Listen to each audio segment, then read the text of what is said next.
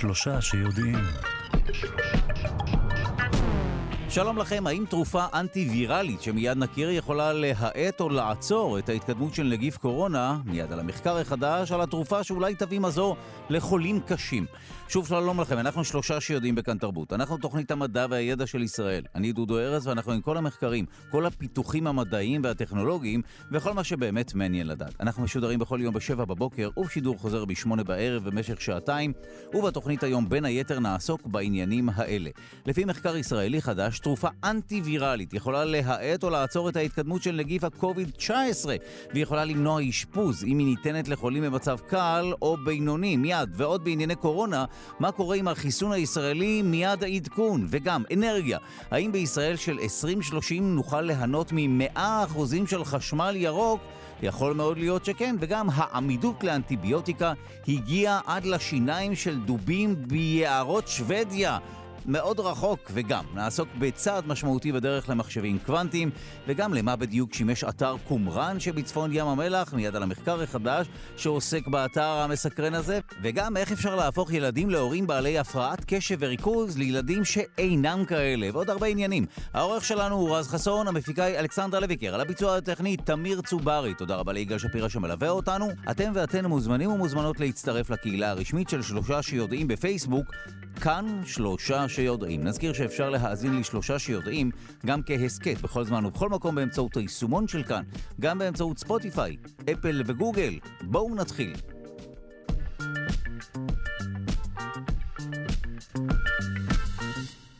כדור נגד קורונה. מדובר במחקר ישראלי חדש, לפיו תרופה אנטי-ויראלית, אנטי-נגיפית, יכולה להאט או לעצור את ההתקדמות של הנגיף שאנו מכירים, COVID-19, ויכולה למנוע אשפוז אם היא ניתנת לחולים במצב קל או בינוני. אנחנו שמחים לומר שלום למי שאחראי למחקר, פרופסור יוסי קרקו, מנהל היחידה לפרמקולוגיה קלינית בבית החולים הדסה, שלום. שלום רב, דודו. אז למד אותנו באיזו תרופה מדובר ואיך היא פועלת. אגיד כך, אה, בעצם במשך השנה וחצי האחרונות אנחנו עסוקים בלהתעסק או בלטפל בחולים הקשים ביותר, וזה אך טבעי. אלה היו אנשים שהם מאוד מאוד חולים, והיה רק הגיוני לנסות ולהציל אותם, כי הם עמדו על סף המוות. לצערי, ההצלחות לא מאוד גדולות, והגיע הזמן לעשות קצת שינוי, שינוי בחשיבה, מה שנקרא להחליף דיסקט. החולים האלה שמגיעים לבית חולים, ואני גם עובד בבית חולים כמובן, הם חולים קשים מאוד, וכשהם מגיעים לבית החולים, לפעמים, לעיתים קרובות, קצרה ידינו מלהושיע. בואו נתחיל לטפל בחולים שהם במצב קל ובינוני, כי החולים הקשים לא נולדו קשים, הם נולדו קלים או בינוניים והפכו מתישהו לקשים. איך נעשה את זה? יש תרופה שפותחה על ידי חברה בשם MSD, זו חברה בינלאומית, שהיא תרופה אנטי-ויראלית, בעצם כדור שניתן פעמיים ביום למשך חמישה ימים, ואם הוא ניתן מספיק מוקדם, הוא יכול למנוע בחלק מהמקרים, לפחות לפי התוצאות הנוכחיות, את ההידרדרות ממצב קל בינוני למצב קשה, דהיינו מצב שמצריך אשפוז. שוב, תרופה קיימת שהיא אנטי-ויראלית, היא כן מסוגלת להתמודד עם הדבר הכמעט בלתי אפשרי של הידבקות בנגיפים. אנחנו יודעים שיש אנטיביוטיקה לחיידקים, לנגיפים לא. נכון, בדרך כלל נגיפים, כשאתה מגיע לחול, לרופא ואתה אומר לו, יש לי מחלה דמוית שפעת נקרא לזה כך, אז מה הוא אומר לך? נכון, שב בבית, נכון. שב בבית, תשתה תה אקמול ואתה יוצא די מתוסכל. אבל לא כל הנגיפים, אה, ברמה הזאת של הנגיפים של השפעת כמובן, שגם היא יכולה להסתבך, אבל נעזוב נכון, את זה. נכון מאוד. ובדיוק, ואגב, חלק מהדברים החיוביים שיצאו so called מהמחלה הנוראית הזאת, זה שהמחקר התקדם כל כך מהר כדי לנסות להתמודד גם עם מחלות ויראליות, כי המחלה הוויראלית הזאת היא מחלה נוראית. ובכן, התרופה הזאת היא תרופה שלא הייתה קיימת עד עכשיו.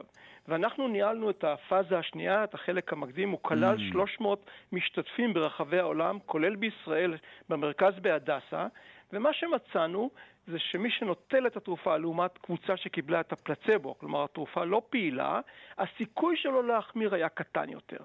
התרופה היא חסרת תופעות לוואי, יחסית לתרופה חדשה, כמעט ולא ראינו תופעות לוואי.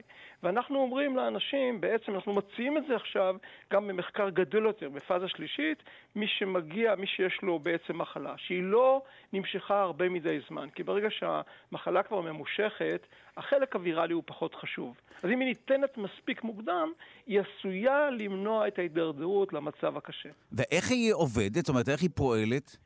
התרופה הזאת היא, היא מטרגטת, או יש, המטרה שלה זה אותו אנזים שמשכפל את ה-RNA הנגיפי, את החומר הגנטי של הנגיף. היא מכניסה לתוך השכפול הזה מולקולה, זו התרופה עצמה הינה אה, מולקולה שהיא חלק מהמבנה הגנטי שנוצר, אבל עם טעות. היא מכניסה איזושהי טעות לתוך החומר הגנטי של הנגיף, וכשהכמויות של הטעויות הן כל כך גדולות, זה מונע ממנו להשתכפל ובעצם זה ממית אותו. והיתרון הנוסף הוא שבניגוד לכל אותן אה, הטענות שיש, נניח שהחיסון שקיים כיום, אולי הוא לא יהיה יעיל כנגד הווריאנטים החדשים, משום שהווריאנטים החדשים משנים את המטרה שכנגדה החיסון אה, מפותח, אותו חלבון ספייק.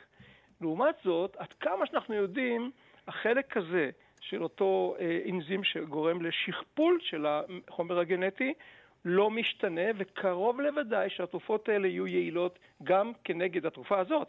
תהיה יעילה גם כנגד הווריאנטים. התרופה נקראת מולנופירביר, היא נמצאת בפאזה שלישית בישראל, אנחנו המרכז שמוביל את זה בישראל, ואנחנו מקווים מאוד שזה יעשה שינוי אה, בהתמודדות, כי ההתמודדות בחולה כשהוא קשה מדי, היא לעיתים קרובות מאוחרת.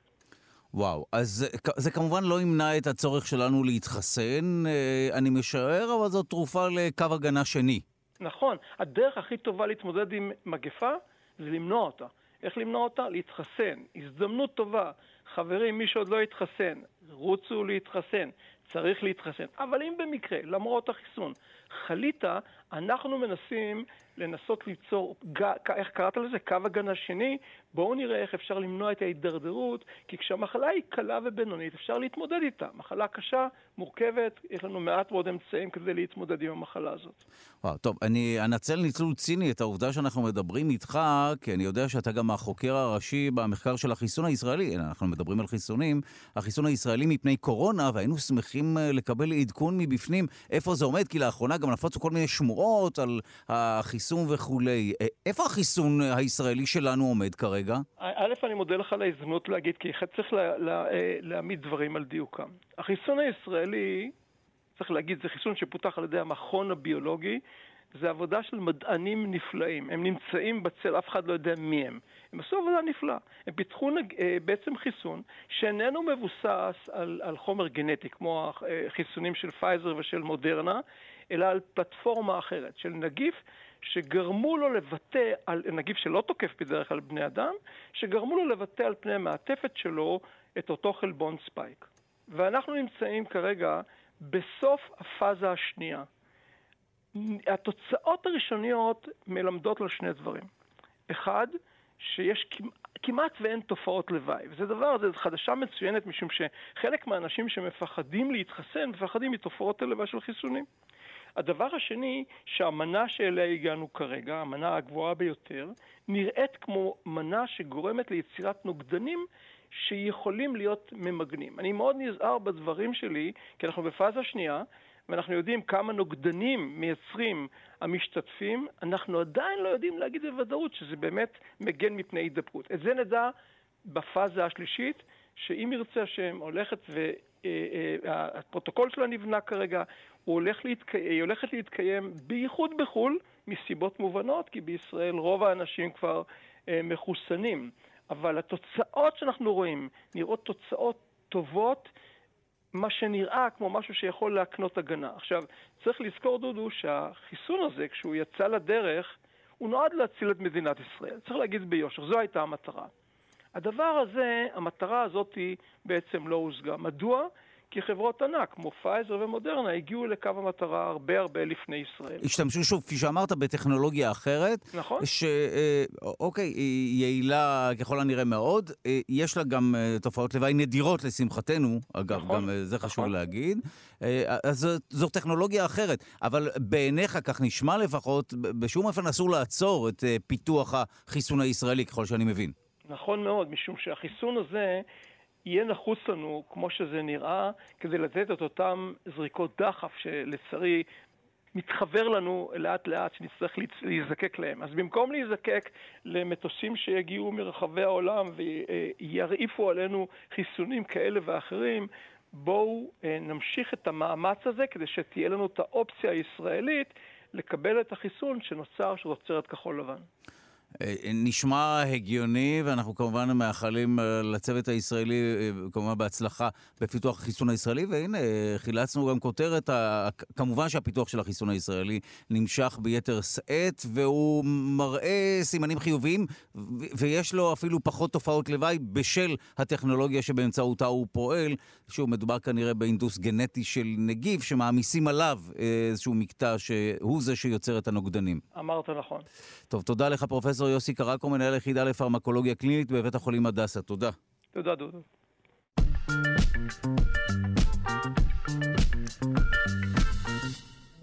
אטומים עם זיכרון ארוך טווח למחשבים קוונטיים. מחשב רגיל פועל באמצעות ביטים, ביט יחידת זיכרון שיכולה להיות במצב של 0 או 1. מחשב קוונטי פועל באמצעות קיוביט, שיכול להיות בשלל מצבים מכאן כוח העיבוד הרב שלו, אבל הוא רגיש מאוד ולכן מאבד את המידע שנשמר בו במהירות, אז אולי שווה לוותר על הרעיון של מחשבים קוונטיים? עוד לא. כאן נכנס לתמונה מחקר חדש של דוקטור אה, אור כץ ורועי שחם, שכבר נמצא איתנו על הקו, שניהם מהמעבדה של דוקטור עופר פירסטנברג במכון ויצמן למדע. הכל בשיתוף פעולה עם חברת רפאל, וכולם פועלים אה, כדי למצוא דרך לשמר את המידע באותה יחידה בסיסית של מחשבים קוונטיים, הקיוביטים. אנחנו שמחים לומר שלום לרועי שחם מהמעבדה של דוקטור עופר פירסטנברג מהמחלקה לפיזיקה של מערכות מורכבות, מכון ויצמן למדע. שלום. שלום דודו. אני מזמין אותך להתעלם לחלוטין מההקדמה שלי, אבל זה באמת היה setup ל... אני רוצה להכניס את המאזינות ואת המאזינים לכל תחום המחשבים הקוונטיים. אז אתה יכול להסביר מההתחלה מהו מחשב קוונטי ועם איזו בעיה אתם צריכים להתמודד. זה גם בסדר לחזור על ההסבר שלי, לכך הכוונה. אמ, כן, אז אה, מחשב קוונטי, דודו, זה אה, מחשב שיודע להריץ באופן אה, בו זמני, סימולטני, אה, הרכב של המון המון המון קלטים אפשריים. וככה אני יכול לבצע בו זמנית חישוב מאוד מורכב כדי לבחון מה האופציה המיטבית לדוגמה.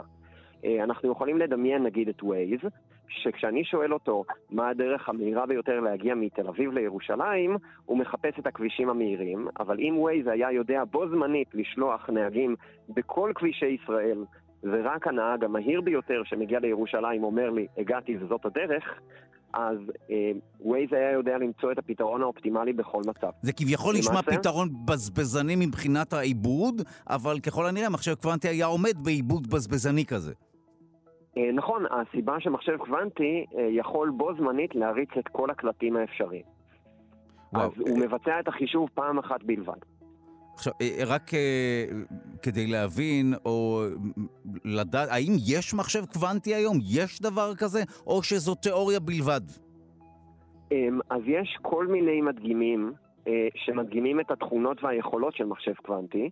למעשה קיימים מחשבים קוונטיים מנוונים, שעושים כל מיני אה, פעולות שמראות בין השאר שהמחשבים האלה טובים יותר ממחשבים קלאסיים, עדיין לא הצלחנו אה, למנף אותם לצורך שימוש אפליקטיבי טכנולוגי שתורם אה, לאנושות, אבל אנחנו כבר רואים שאנחנו מאוד קרובים ללהגיע לזה. זה, זה יקרה, נכון? זו, זו לא סתם פנטזיה יקרה. ריקה מתוכן. אז בואו נדבר באמת על אותה יחידה בסיסית. שוב, במחשבים שלנו, אה, גם בטלפון, בבית וכולי, אנחנו מכירים ביטים, איזושהי יחידה שמסוגלת אה, להבין יש זרם, אין זרם או אפס ואחת, במחשבים קוונטיים זה אה, הרבה יותר מורכב.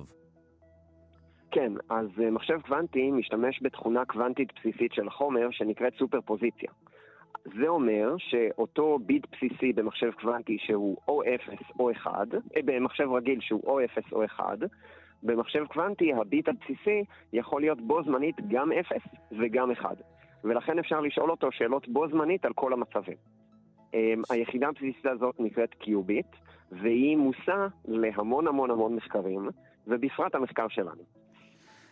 זה הגיוני? זה קצת נשמע לי באמת כמו החתול של שרדינגר המפורסם, שהוא היה גם אפס וגם אחת, גם מיילל וגם מת בו זמנית, אבל אה, ככל הנראה זה כן עשוי לקרות במחשבים קוונטיים. זה, זה מאוד הגיוני, ולמעשה זה אפילו באמת קורה. כלומר, זה לא רק האם זה הגיוני, אלא זה קורה היום במעבדה, ואנחנו מודדים את האפקטים האלה. וכמו שאמרתי, אנשים כבר משתמשים בהם כדי לעשות חישובים שהם בו זמניים ומהירים יותר בעשרות מונים ממחשבים קלאסיים. אוקיי, okay, אז הבנו באמת את התיאוריה, ואני מאוד, גם אם מישהו לא הבין עדיין, אתם מוזמנים להאזין לזה שוב, וכן להבין, כי הנה אנחנו מבינים שיחידת העיבוד של מחשבים קוונטיים היא פשוט יכולה להכיל הרבה יותר מצבים מאשר שני מצבים. המחשבים שלנו הם בינאריים, הם אפס או אחת. אז מה הבעיה? למה הקיוביט הזה הוא כזה שלא מצליח להחזיק במרכאות את המידע למשך זמן, או לזמן, לטווח אה, אה, ארוך של זמן? אז התכונות הקוונטיות הן שבריריות. אה, הן למעשה פגיעות וחשופות לעולם שמסביבנו, שברוב הזמן העולם שמסביבנו מתנהג כמו עולם קלאסי. עולם שבו לא ניתן להחזיק כאלה מצבי סופר פוזיציה מוגדרים שאפשר לעבוד איתם. אם מחכים זמן, המצב, מצב הסופר פוזיציה בקיוביט אה, בעצם מאבד את, ה, את התכונה המיוחדת שלו, והופך להיות פשוט או 0 או 1. Mm. אמ, ואנחנו, המטרה שלנו זה להגן על אותן תכונות קוונטיות שבריריות, אה, בעצם לעטוף אותן ולהגן עליהן מהסביבה. זאת אומרת שמחשב קוונטי אה, לאחר זמן מה פשוט מתנוון להיות מחשב רגיל. נכון. קצת כמו שאומרים או, על, או... אה, בסטנדאפ על מדרגות נעות, שהן לא יכולות להתקלקל, אלא פשוט לסגת למדרגות רגילות וזהו. עד כאן הקלקול. מעניין, אבל אתם כן הצלחתם להביא את העניין הזה ל... להחזקת מידע למשך זמן, נכון? פיתחתם את הטכנולוגיה לכך, לפחות ברמה התיאורטית. אה, אז לא ברמה התיאורטית, אנחנו עדיין לא השתמשנו בזה כדי לעשות ממש הדגמה של חישוב קוונטי או של יכולות קוונטיות, עדיין עשינו את זה ברמה הקלאסית, אבל אנחנו ממש הדגמנו את הטכנולוגיה שמסוגלת להשאיר את הקיוביטים האלה בחיים למשך אה, זמן רב ביותר. אוקיי, וזו השורה התחתונה, אז זהו, אז בואו תספר לנו איך הצלחתם לעשות את זה. זו השורה התחתונה של המחקר. נכון. אנחנו עובדים עם מערכת שהיא אה, מאוד מאוד מוגנת ומבודדת מהסביבה, ולכן היא שומרת על התכונות שלה לאורך זמן רב מאוד מאוד. אמ, המערכת שאנחנו עובדים איתה זה מערכת שנקראת ספין גרעיני של גז הליום 3. אמ, הגז הזה הוא מאוד מאוד אינרטי, ולכן המצב שלו אה, יכול להיות מוגן מהסביבה אמ, אפילו עד כדי חודשים. זה, החודשים זה, זה שיא העולם, ואנחנו כרגע עדיין לא שם. אבל uh, אנחנו, הקושי עם, ה, עם המצב הקוונטי של הקיוביט הזה, זה שבגלל שהוא כל כך מבודד מהסביבה, מאוד מאוד מאוד קשה לגשת אליו ולעשות עליו מניפולציות, מאוד קשה להתחיל ולקרוא אותו. ואנחנו למעשה הדגמנו את היכולת להתחיל ולקרוא את המצב הזה באופן ששומר על התכונות הקוונטיות שלו. וואו, שוב, אה, אה, גם אם ניכנס לפירוט עצמו של איך בדיוק עשיתם את זה, וקראתי את הדברים, אה, לא בטוח שהבנתי עד הסוף, אבל זו, זו מערכת שמשלבת, מה, גז מסוים, זאת אומרת, זו מערכת פיזית מאוד מסובכת.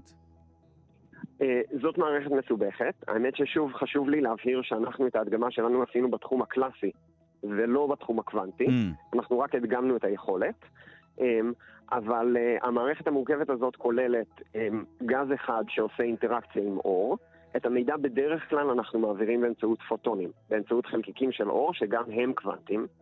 Um, אנחנו מחזיקים את אותו גז אינרטי, אותו הליום 3, במכל משותף יחד עם גז של מתכת אלקלית, גז של אשלגן.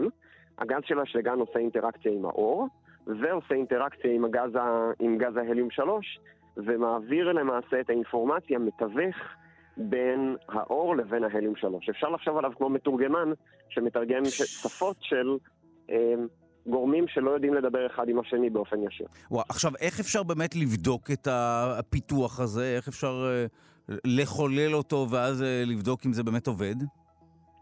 Um, אז למעשה מה שאנחנו עושים, uh, אנחנו uh, מאירים אור לייזר, אנחנו מאפננים את אור הלייזר שלנו באיזשהו תדר, ואנחנו בודקים אה, האם גז ההליום 3 מגיב לאותו נדנוד של קרן הלייזר. אה, באופן ישיר וטבעי, הליום 3 הוא מאוד מאוד שקוף, ולכן הוא גם לא בולע את הלייזר וגם לא מגיב אליו. אבל אנחנו הראינו שכשאנחנו מנדנדים את קרן הלייזר, למעשה גז ההליום 3 מתחיל להתנדנד ביחד. אה, זה כמו אה, בן אדם שדוחף נדנדה, שבדרך כלל הוא פשוט לא מצליח לדחוף אותה, אבל אנחנו ראינו שהנדנדה מתחילה להתנדנד כשאנחנו משפיעים עליה עם קרן הלייזר. טוב, עוד צעד לקראת אה, מחשבים קוונטיים. צעד אה, לא מבוטל. אה, לא צעד משמעותי. אה, למעשה, אה, זה בעיקר חלק ממאמץ גדול שאנחנו קוראים לו לשמור על הקיוביט בחיים. כן, אז זהו, הזכרת באמת את האתגר הזה שהרבה קבוצות מחקר בעולם עובדות בעקבות המחקר שלכם, אה, תחת הכותרת To Keep the Qubit Alive, כדי באמת אה, לנסות ולחולל את העניין וגם לשפר את הדבר הזה, ועוד צעד בדרך להעביר את כל עניין הקוונטים ממחלקת הספרות של ה-New Age למדע. הנה, זה קורה. נכון.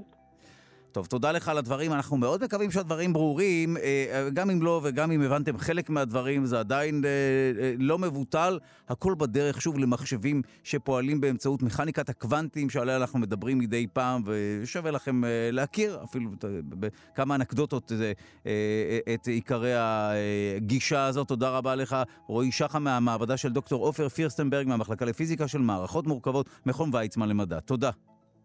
תודה רבה, דודו.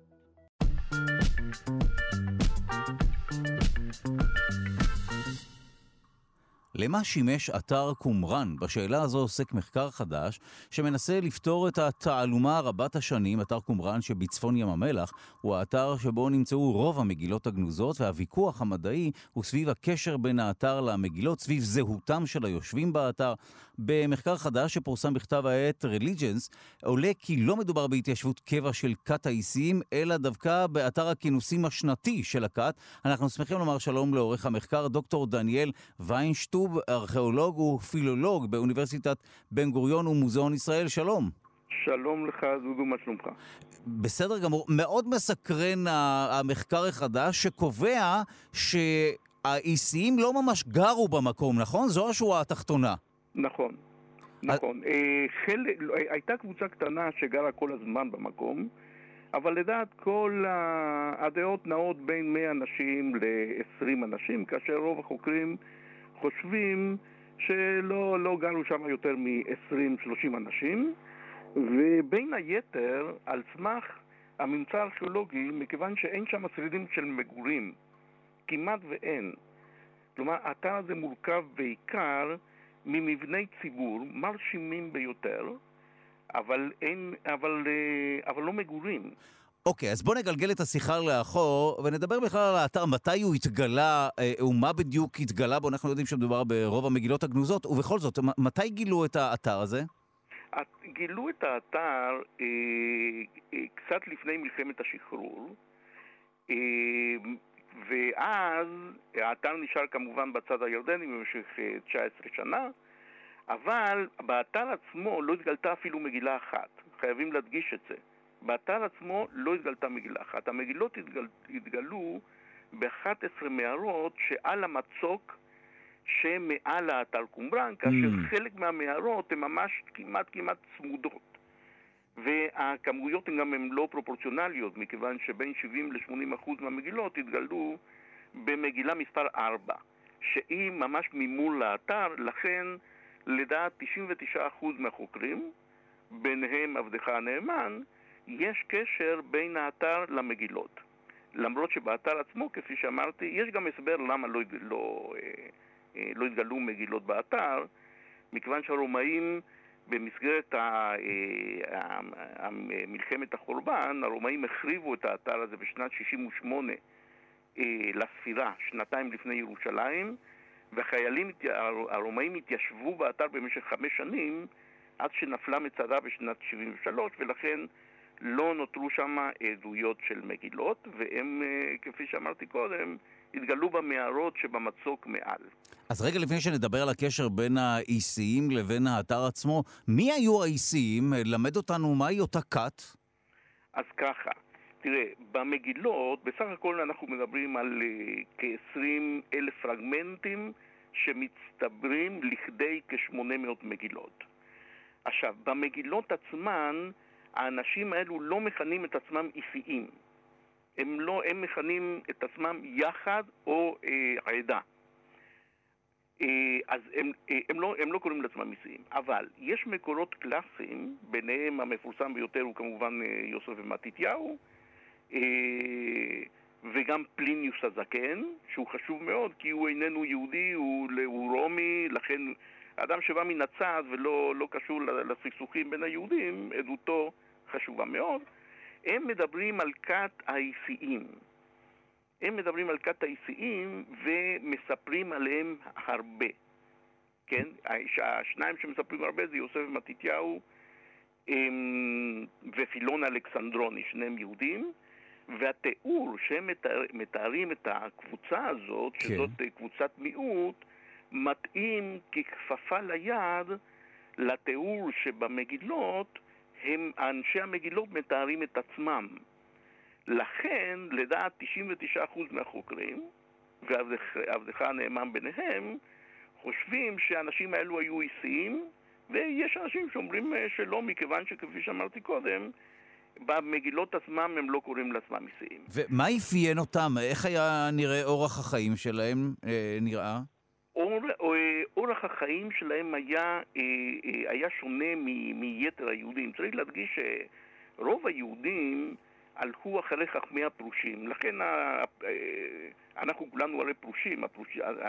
הגישה הפרושית היא היחידה ששרדה אחרי מלחמת החורבן, ורוב העם הלך אחריה. היו גם צדוקים, היו אחרים, ומה שמאפיין את האיסיים זה שהם ראו את עצמם הנבחרים של אלוהים, אה, היה להם לוח שנה שונה, מיית, ולכן הקורבנות שהוקרבו בבית המקדש לא היו מקובלים עליהם, כי הם הוקרבו במועדים הלא נכונים. בין היתר, כן, הם גם לא הכירו בכשרותם של הכוהנים הרשמיים שהיו בבית המקדש, והם חיו במעין אקסטזה משיחית, הם האמינו שהם הדור האחרון, שה...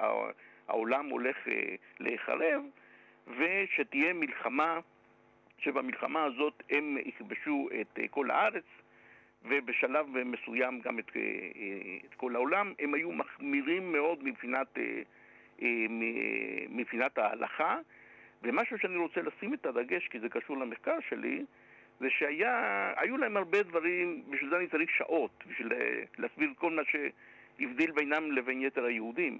אבל אה, לצורכי המחקר היה להם משהו שאצל יתר היהודים לא היה. הם, הם האמינו שפעם בשנה צריכים לעבור טקס מיוחד של חידוש הברית. מה זאת אומרת חידוש הברית? אה, כפי שאתה יודע, לפי הזרם המקובל של היהדות, ביום השמיני אחרי שהתינוק הנולד, מכניסים אותו לבריתו של, של אברהם אבינו, וזה נשאר ככה לכל חיים. אצלם לא, אצלם צריך לחדש את זה פעם בשנה, בזמן, ב, ב, בתקופה של שבועות.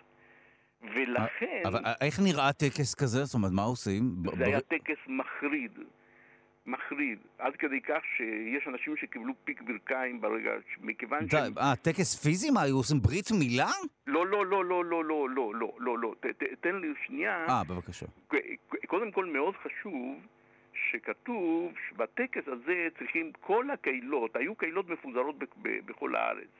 יוסף מתתיהו אומר שאין עיר בישראל שאין שם קהילה של איסאים. הם היו צריכים להתכנס. אה, עכשיו, בטקס אה, הם היו עוברים בשורה, הייתה שורה של כהנים ושורה של לוויים, והם היו מקריאים, אה, זה היה משהו מאוד דומה לטקס שהתקיים בין, בין הרעבה להר גריזים. אה, שזה משהו חד פעמי שהיה, אחרי שבני ישראל נכנסו לארץ. והם היו עוברים, הכהנים היו מקריאים את שורה של ברכות, הלוויים שורה של קללות, והם היו עונים אמן. אבל הם האמינו שבמקביל מתקיים טקס בשמיים של מלאכים, ויש יש באפשרותם לראות את, בתוך הנשמה שלהם. ולכן, אם הנשמה שלהם לא טהורה, אם המחשבות שלהם לא טהורות, הם פחדו שהנשמה שלהם תיכרת. ולכן אה, היה חשש, הם באו בדחיל ורחימום, הם באו ברגש אה, גדול לטקס הזה, וזה היה מתקיים, כפי שאמרתי, פעם בשנה. עכשיו צריך להבין שאנחנו מדברים על התקופה הרומית, אדם שבא מהגליל, הוא צריך לרכב על חמור שלושה ארבעה ימים להגיע לקומראן. ולכן הייתה התכנסות שכדי לקיים אותה צריך להקים תשתית. Mm. וזאת ההצעה שלי, שלהפתעתי הרבה אף אחד לא חשב עליה לפני כן, הרי זה בדיוק מה שיש לנו בקומראן. יש לנו מקווה טהרה שהוא אחד הגדולים בארץ. בשביל מה צריך מקווה כזה בשביל אוכלוסיית קבע של 20 אנשים? ויש שם מקוואות נוספים. אה, הם הקימו מאגר... לא, לא, אז זה הפתרון אה, שלך, של המחקר, שככל הנראה באמת לא הייתה שם התיישבות קבע דרמטית או משמעותית, אלא נכון. זה היה אתר הכינוסים, כפי שאמרת, של הריטואל שהזכרת. נכון. לשמחתי הוא לא ברית מילה חוזרת. הם הקימו גם מאגר מים מדהים של 290 קוב.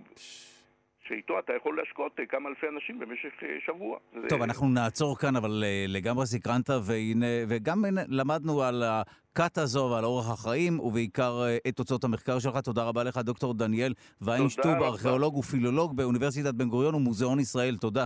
תודה רבה לך.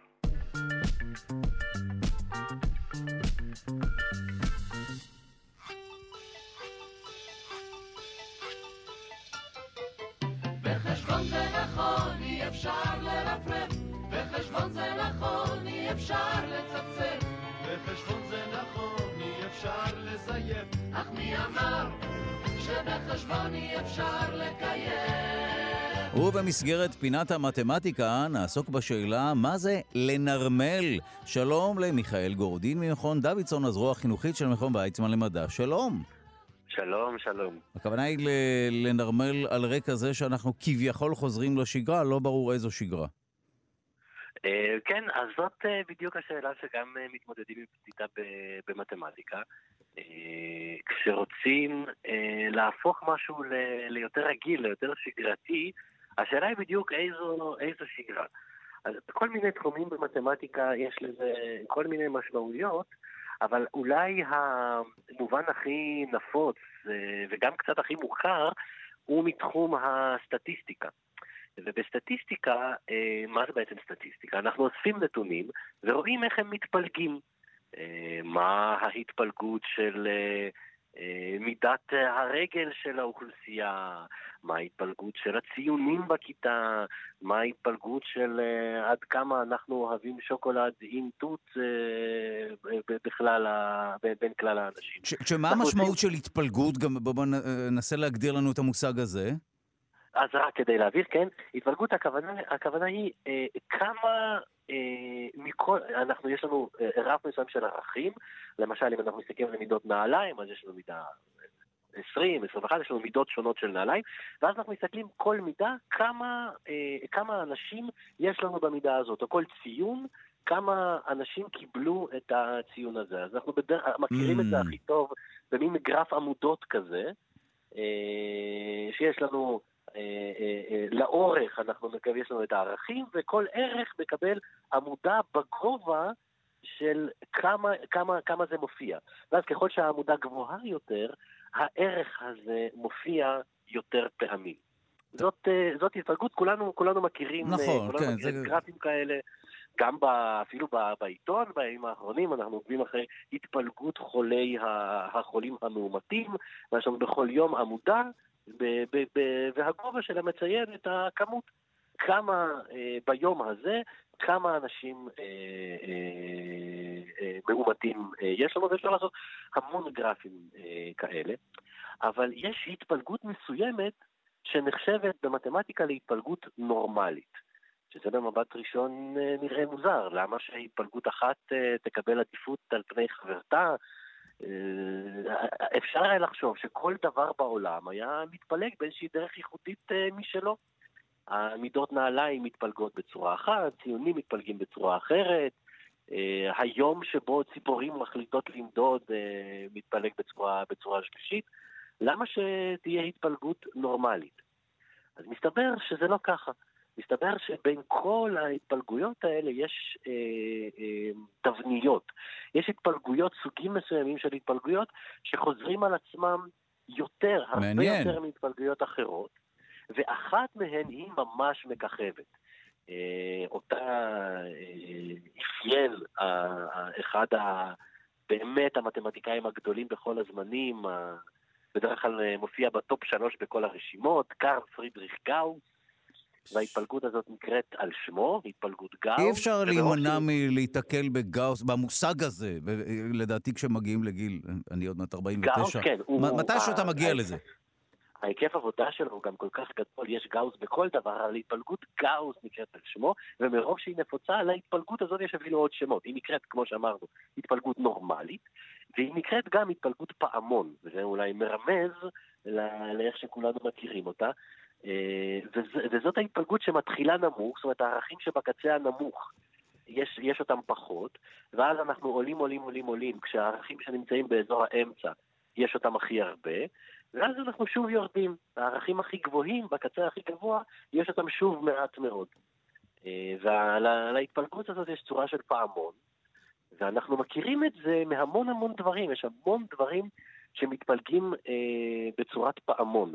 כי מסתבר שכשיש לנו אה, אירוע מקרי, הטלת מטבע, אה, גלגול של קובייה, איזשהו אירוע מקרי, ואנחנו חוזרים עליו עוד ועוד ועוד ועוד ועוד פעמים, הסך הכל, הסכימה של, ה, אה, אה, של הדברים האלה, נוטה לאט לאט להתכוונן לכיוון ההתפלגות הנורמלית. יש ממש הוכחה במתמטיקה שמראה את זה, שכשאנחנו לוקחים איזשהו ניסוי מקרי וחוזרים עליו עוד, מאוד, עוד ועוד פעמים וסוכמים ביחד את התוצאות, הסך הכל הולך ונהיה, אפשר גם לחפש, אה, יש המון סרטונים כאלה, שממש מראים איך הגרף מתחיל ממשהו אחר, ולאט, לאט, לאט, לאט, מתחיל להסתדר בכיוון, בכיוון הפעמון. ובאמת המון תופעות וואו. באנושות, בטבע, מסתדרות להן בצורה של פעמון. עכשיו, זה גם הגיוני, כי זאת התפלגות שאומרת, הקצוות, הם, הם, הם, הם, יש פחות, יש מעט מאוד אנשים בקצה הכי נמוך. בשוליים יש שוליים, יש מעט, יש, נכון. יש שוליים, כן. וכשאנחנו מתקרבים לאמצע, אנחנו עולים בשכיחות. זאת התפלגות הגיונית, ומרוב שהיא הגיונית, הרבה מאוד פעמים אה, אנחנו רוצים לקחת את ההתפלגות שיש לנו וממש לנרמל אותה, להגיד כן, זה שהיא לא, לפעמים היא קרובה להתפלגות אה, הפעמון, אנחנו, אנחנו אומרים, זה אמור להיות התפלגות נורמלית, אז בואו נגרום לזה להיות התפלגות נורמלית. Mm. אחת הדוגמאות הכי מוכרות לזה זה הבחינה הפסיכומטרית. ניגשים בכל מחזור בחינה המון המון המון מבחנים, אבל אה, אין שום סיכוי בעולם שהמון אנשים יקבלו 800. זאת, זה, זה, זה, לא, זה לא אין שום סיכוי כי זה לא סביר. זה גם לא סביר, אבל זה יותר מזה. האנשים שמייצרים את הציונים של הבחינה הפסיכומטרית, הם עושים נורמליזציה של הציונים. זאת אומרת, הציון הוא כל... לא אה, נומינלי, אלא הוא, הוא עובר איזשהו עיבוד, התאמה. בדיוק. וואו. הבן אדם שיש לו את הבחינה הכי טובה במחזור הזה, יקבל ציון, את הציון המקסימלי. וואו. גם אם הציון שלו קצת יותר גבוה מהכי גבוה במחזור הקודם. אז זה אומר שהציון הוא יחסי, זה אומר ששווה לי לגשת עם אנשים פחות טובים. אה, כן, בגלל זה אומרים שכדאי אה, אה, לגשת עם אנשים פחות, כמובן שהסיבה שבבחינה הפסיכומטרית יכולים לעשות את זה, זה כי בכל מחזור ניגשים כל כך הרבה אנשים, מכל כך mm. הרבה מקומות וכל כך הרבה סוגים, שגם אם תשכנע את עשרת חבריך הטיפשים ביותר לגשת איתך לבחינה הפסיכומטרית, ההשפעה של זה לא ממש. והאמן לי שעשיתי מאמצים, אבל זה לא יש. לא. וואו, האמת שזה מרתק, טוב, פה נתת דוגמה באמת אה, לכך שבאמת מעקמים את התוצאות כך שהן אה, תתאמנה לגאוס, אבל אתה אומר שבאופן כללי אנחנו נוטים אפילו פסיכולוגית להתאים תוצאות לגאוס, מרוב שזה, שזה כך. כן, זאת ה... באיזשהו מובן זאת גם ה... האינטואיציה שלנו לדברים כן. עובדת ככה. כשיש לנו טווח מסוים של ערכים, אנחנו נוטים לייחס שכיחות רבה יותר לערכים שנמצאים באמצע, ואפילו אה, אה, כשאנחנו ממלאים, אפילו בדברים לא קשורים לחלוטין. קח אה, אדם מן השורה ותבקש ממנו למלא אה, טופס של אה, וואו, פיס. לגמרי, נכון, בבחירת מספרים, אתה צודק. יש בתוכנו איזה משהו שאומר, מה, אני אשים איזה אחד או שתיים או שלוש? לא, זה בקצה, או, או את הערכים הכי גדולים. וואו. ה... לא, זה... מה הסיכוי שיצא לי אחד או שתיים? זה הרי בקצה. ויש בנו משהו מאוד מאוד חזק שאומר, אם זה בקצה, אז הסיכוי לזה הוא יותר קטן. והמקור שמה... לאינטואיציה הזאת וואו. הוא... כמעט קומי, אפילו הייתי אומר. והנה, גם אה, סוף סוף פינת מתמטיקה, שבה מחלצים אה, תובנות לחיים, איך למלא טופס לוטו כמו שצריך, אה, וכמובן איך לשכנע, את, או לא איך לשכנע, אבל מה לעשות כדי להעלות את הציון שלך בפסיכומטרי בלי להשתפר. תודה רבה לך, מיכאל גורודין ממכון דוידסון, הזרוע החינוכית של מכון ויצמן למדע. תודה. בשמחה.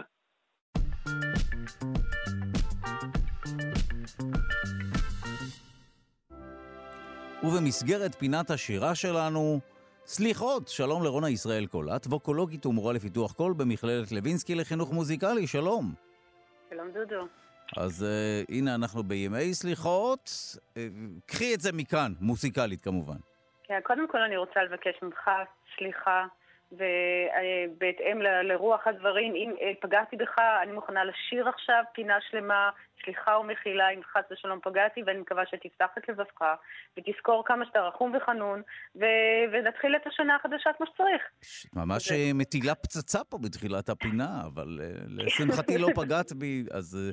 אז לא, לא חס ושלום, להפך. להפך. אני שמחה לפגוע בך. להפך. לא, לא, אני לא. לא, לא, אני צוחק, כמובן, אוקיי.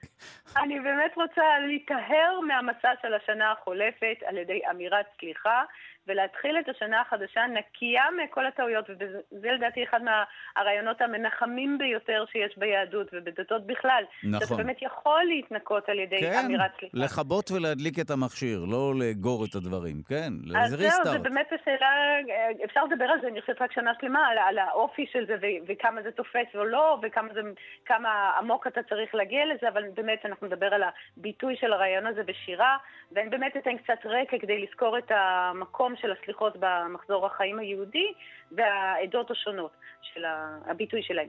אז באמת אחרי החודש הקשה שעברנו של אב, חודש של שירת קינות כמו הקינה הנהדרת ליל הוזה, ושל יהדות כורדיסטן, או למי אבכה, שאנחנו בוכים הרבה ואנחנו מכים על חטא, אז מגיע אלול.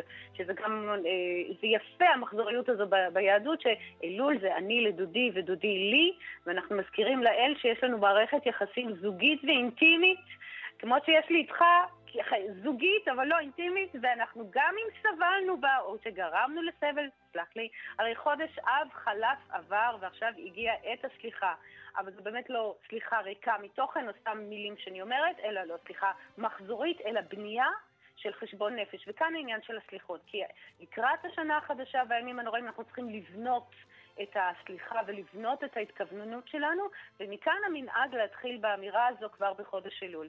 ולא באמת ברור מתי זה התחיל, המנהג הזה, ומתי זה הפך להיות חלק אה, בלתי נפרד מהפולחן היהודי, אבל יש כבר אזכורים מהמאה התשיעית ואילך של קיומן של סליחות, אה, ופייטנים בבבל בראשית המאה העשירית, כמו אה, הרס"ד, רב סעדיה גאון.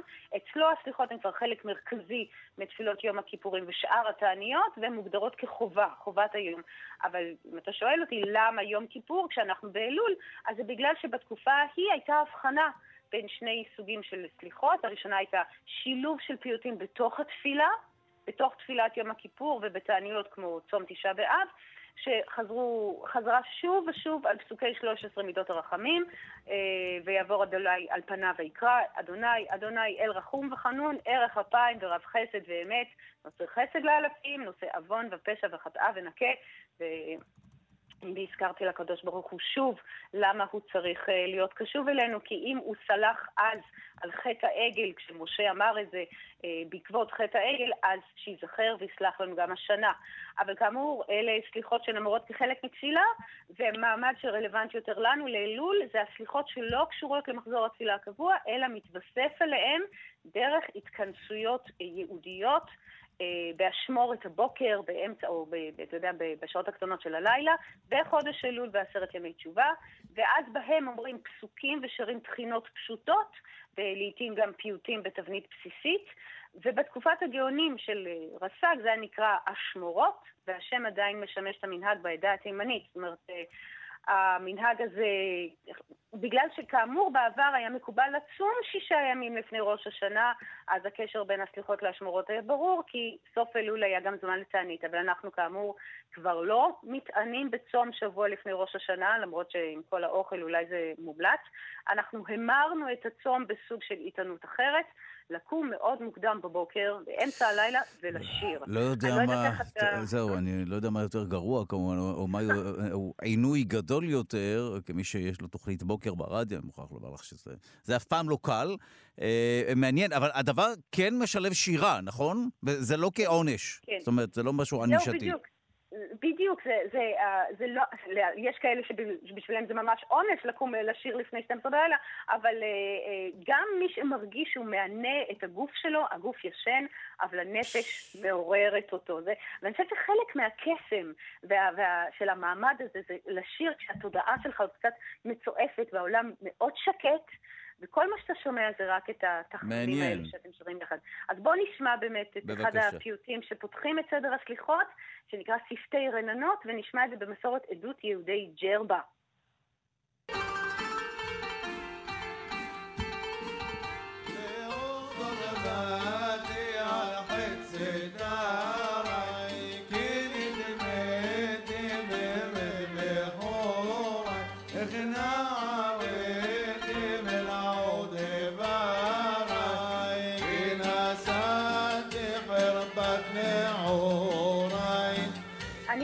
ממליצה לכל מי שרוצה להיזכר או ללמוד על, על המנהגים, של, על הסליחות של העדות השונות, שיפנה לאתרים כמו האתר המצוין של אה, קהילות שרות.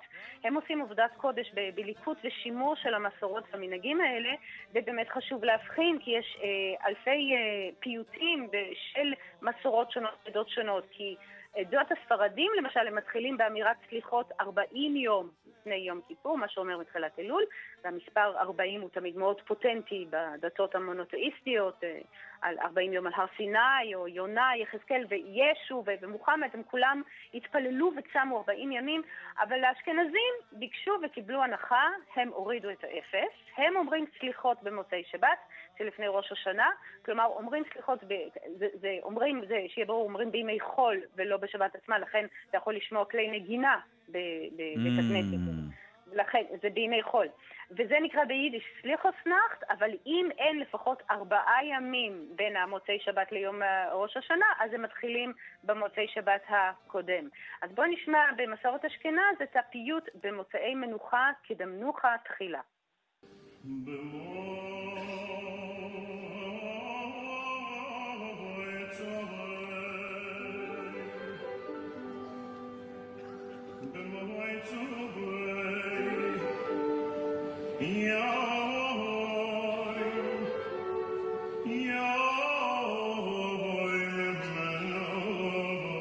נשמע כמעט כנסייתי, כמעט אופראי. אתה צודק, אז באמת בחרתי בהקלטה שהיא מאוד שונה ממה ששמענו קודם. זו הקלטה שנעשתה באולם קונצרטים עם תזמורת סימפונית, בעיבוד יפה של אלי יפה, עם החזן, יש לו קול נהדר, חם, של חיים, אה, חיים אדלר, אבל כאן זה כבר עבר מטמורפוזה מתפילה קהילתית לסוג של אה, ביטוי אמנותי. נכון. או... והקהל פשוט צופה בזה. כמו בקונצרט רגיל. אז אתה באמת מוזמן להחליט אם זה מתאים לך או לא, אם אתה מעדיף אה, ש, אה, ש, ש, ש, לכל, על פי המסורת היהודית, לכל אחד יש את האפשרות לזכות בסליחה ומחילה. זה באמת אחד הדברים ה- ה- היפים שיש. בתנאי שהבעת חרטה מלאה וקיבלת על עצמך לשנות את דרכיך ואת התנהגותיך. אז כל אחד אה, אה, יחליט בעצמו מה מפעיל אותו יותר. אה, מעניין מאוד. ה- להגיע למחילה. לשיר אקטיבית, או להאזין לפיוט ש- ש- שמושר בצורה איכשהו נשמע לי. ששירה אקטיבית היא יותר אפקטיבית, לא?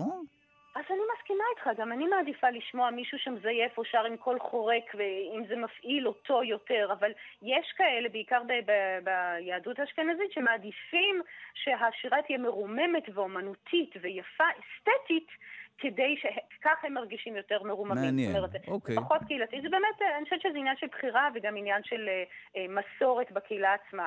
אני רוצה לסיים עם הפיוט הידוע ביותר, אדון הסליחות, שיש לו אין ספור ביצועים והוא באמת חרוט בלב של, אה, של, אני חושבת שכמעט כל מי שמאזין, והוא מקובל בכל קהילות הספרדים, מיהדות מרוקו עד יהדות הודו, וגם גם בנוסח הקליה וגם בנוסח חב"ד, ואני בחרתי את הנוסח של יהדות גיאורגיה, בביצוע המאוד יפה של עידן עמדי, ואני אשמח שנשמע ממנו כמה שיותר, ואולי באמת אה, נפתח את שערי השמיים למי שרוצה. ונודה לך כמובן, רונה ישראל קולט ווקולוגית ומורה לפיתוח קול במכללת לוינסקי לחינוך מוזיקלי. הנה נשמע את זה. תודה רבה על הפינה. תודה. אדון הסליחות, בוחן לבבות, גולה עמוקות, דובר צדקות, מי הוא זה ואיזה הוא, זה לי מי הוא זה ואיזה הוא, זה לי.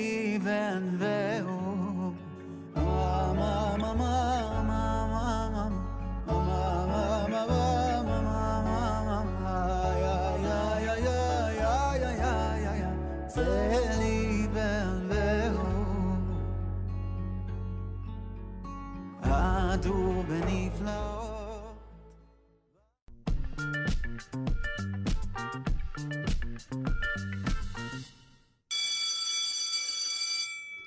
יש קשר הדוק בין בעיות משמעת לבין חוסר עניין בנלמד. כך עולה ממחקר חדש שפורסם בספר יצירתיות בהוראה של דוקטור עטרה איזקסון, שכבר נמצאת איתנו על הקו. המחקר עוסק בשתי סוגיות חשובות במערכת החינוך, בתקשורת בין המורים לתלמידים, ניהול הכיתה, פתרונות לבעיות המשמעת, והסוגיה השנייה היא שינוי ועדכון שיטות ההוראה הקיימות לגישות רלוונטיות למאה ה-21, המשלבות חשיבה יצירתית. מכאן גם השם של הספר כמובן. שלום למחברת הספר, דוקטור עטרה איזקסון מבית הספר לחינוך, המחלקה למוזיקה, אוניברסיטת בר אילן, שלום. שלום דודו, מה שלומך? גם מבקשים מהמורים להיות יצירתיים? לא מספיק מה שהם עושים עד עכשיו? רק יצירתיים, דודו. זה לא ייתכן אחרת. אנחנו מבקשים, אנחנו לא מבקשים, אנחנו ממליצים. אנחנו מוצאים שזו דרך כמעט היחידה לעורר חשיבה, סקרנות ולמידה.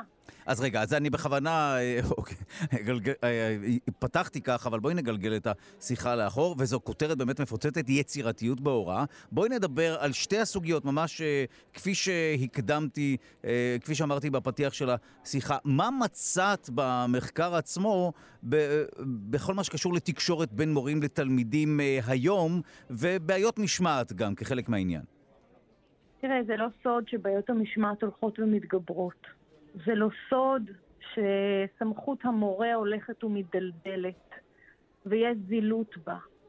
המורה הוא מין אה, מקבל מכות במרכאות מכל מיני מקומות, אם זה השכר, הצפיפות, מעמדו האקדמי, ההורים שמתערבים, והתלמיד שמיד מדווח להורים בוואטסאפ שהמורה אמר לו כך או אחרת, או אפילו מצלם את זה. זה לא נשמע ולא נראה בשום עיסוק או מקצוע אחר.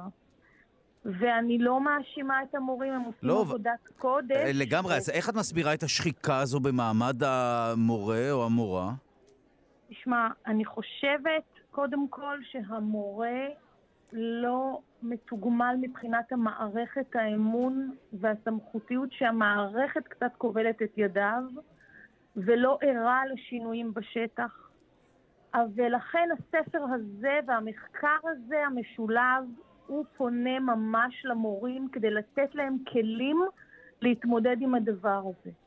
ש- מה- ו- אז- אז אה, בואי- בואי תעשה לנו ספוילר. להסביר, לא, תן לי בבקשה. להסביר, אוקיי. תן לי להסביר.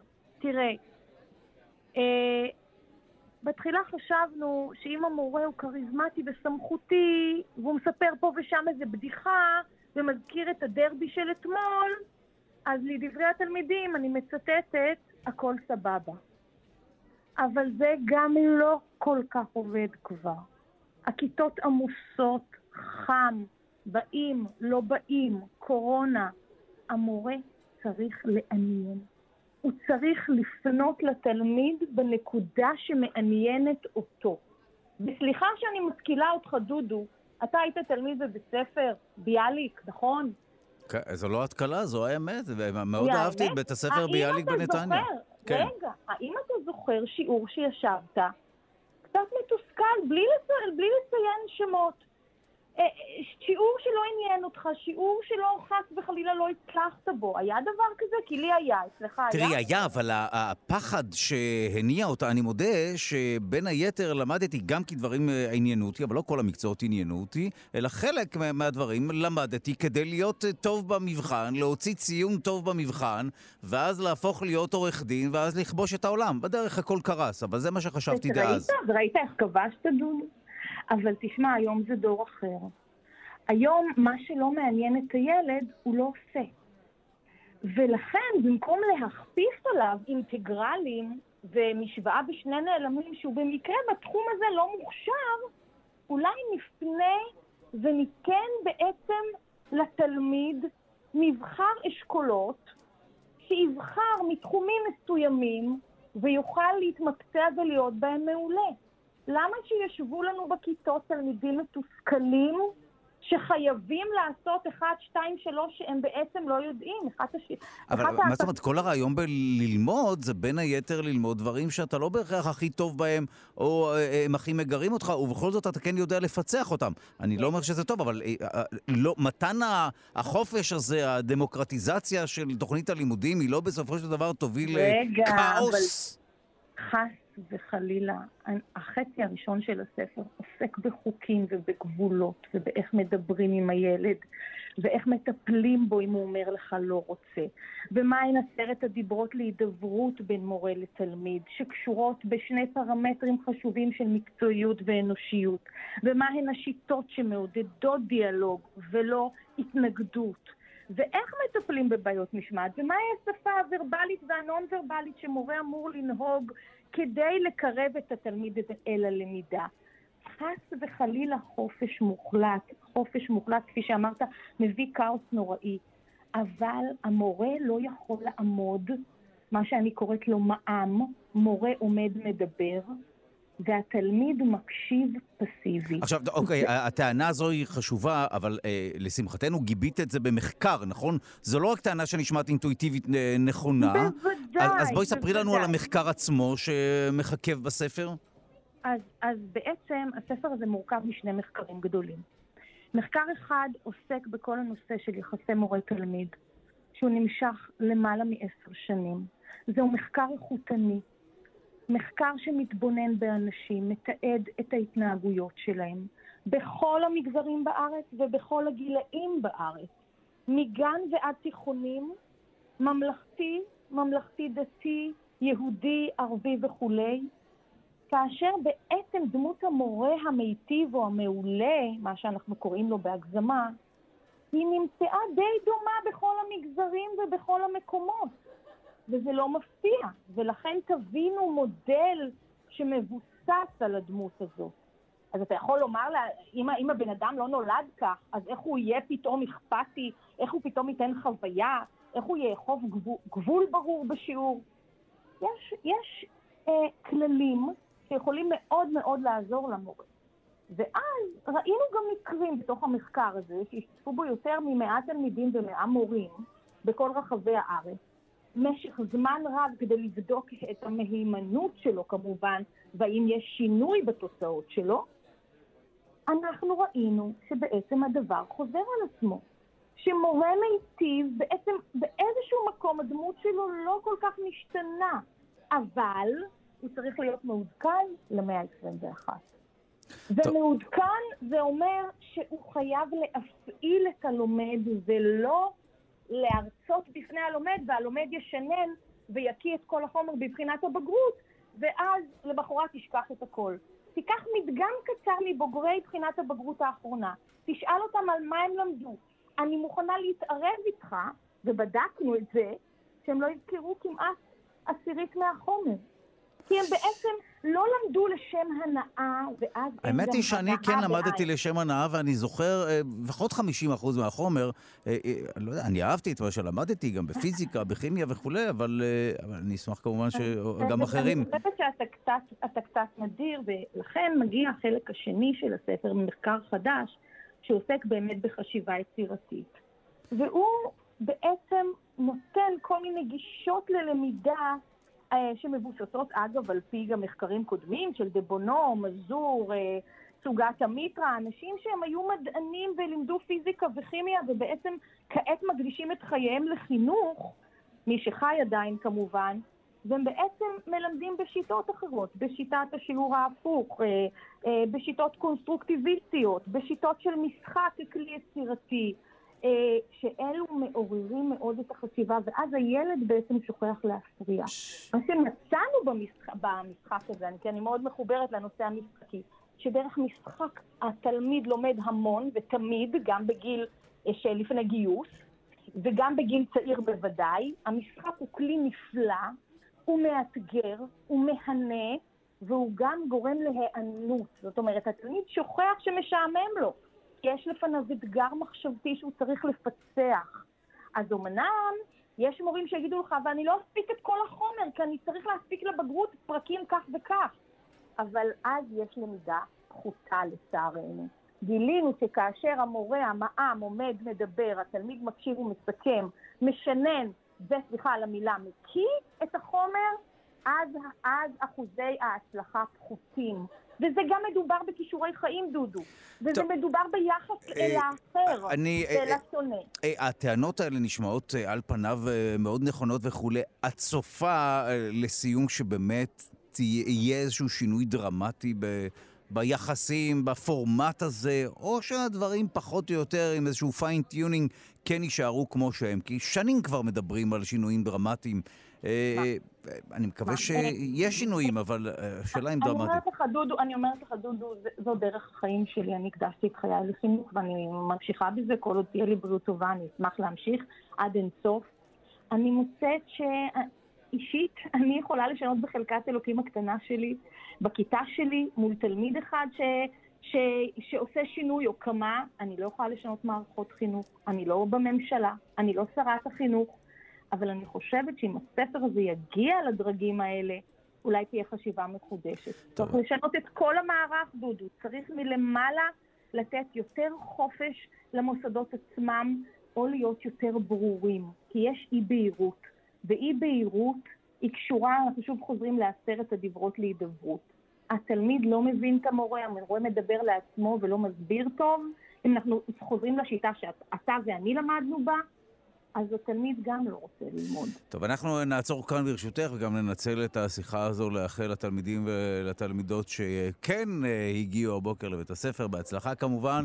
ושוב, כמובן שכל שינוי אה, שהוא חיובי ויגרום לתלמידים להתעניין אה, יותר בחומר, אתה, אתה באמת אה, לומד אה, טוב יותר את מה שמעניין אותך, זה אני ודאי יכול להעיד מעצמי.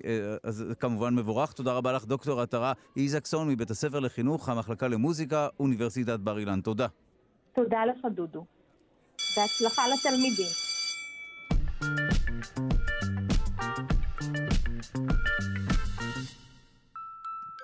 בעלי הפרעת קשב וריכוז, העניקו לילדיכם סביבה מעשירה. חוקרים מאוניברסיטת בן גוריון בנגב עקבו אחרי ילדים בעלי סיכון משפחתי להפרעת קשב וריכוז במשך 18 שנה. במחקר שפורסם בכתב העת Early Childhood Research Quarterly, נמצא שסביבה ביתית מעשירה משפיעה על ההתפתחות הקוגניטיבית של הילדים בצורה משמעותית. במחקר נמצא שישנה חשיבות גבוהה במיוחד לסביבה ביתית מעשירה, כמו למשל ספרים ומשחקים, וילדים הנמצאים בסיכון משפחתי לפתח הפרעת קשב וריכוז עשויים להיות רגישים יותר לאותה סביבה ביתית בהשוואה לילדים שאינם נמצאים באותו סיכון. אנחנו שמחים לומר שלום לעורכת המחקר צליל אייזיגר מהמעבדה של פרופסור אנדריאה ברגר במחלקה לפסיכולוגיה באוניברסיטת בן גוריון. שלום. שלום וברכה. למדי אותנו איך צריך להיראות הבית שלנו כדי להקטין את הסיכוי של הילדים שלנו תהיה הפרעת קשב וריכוז, שאני אגב שמעתי שמדובר במשהו בכלל גנטי, אז נשמח שתתמודדי גם עם הטענה הזו.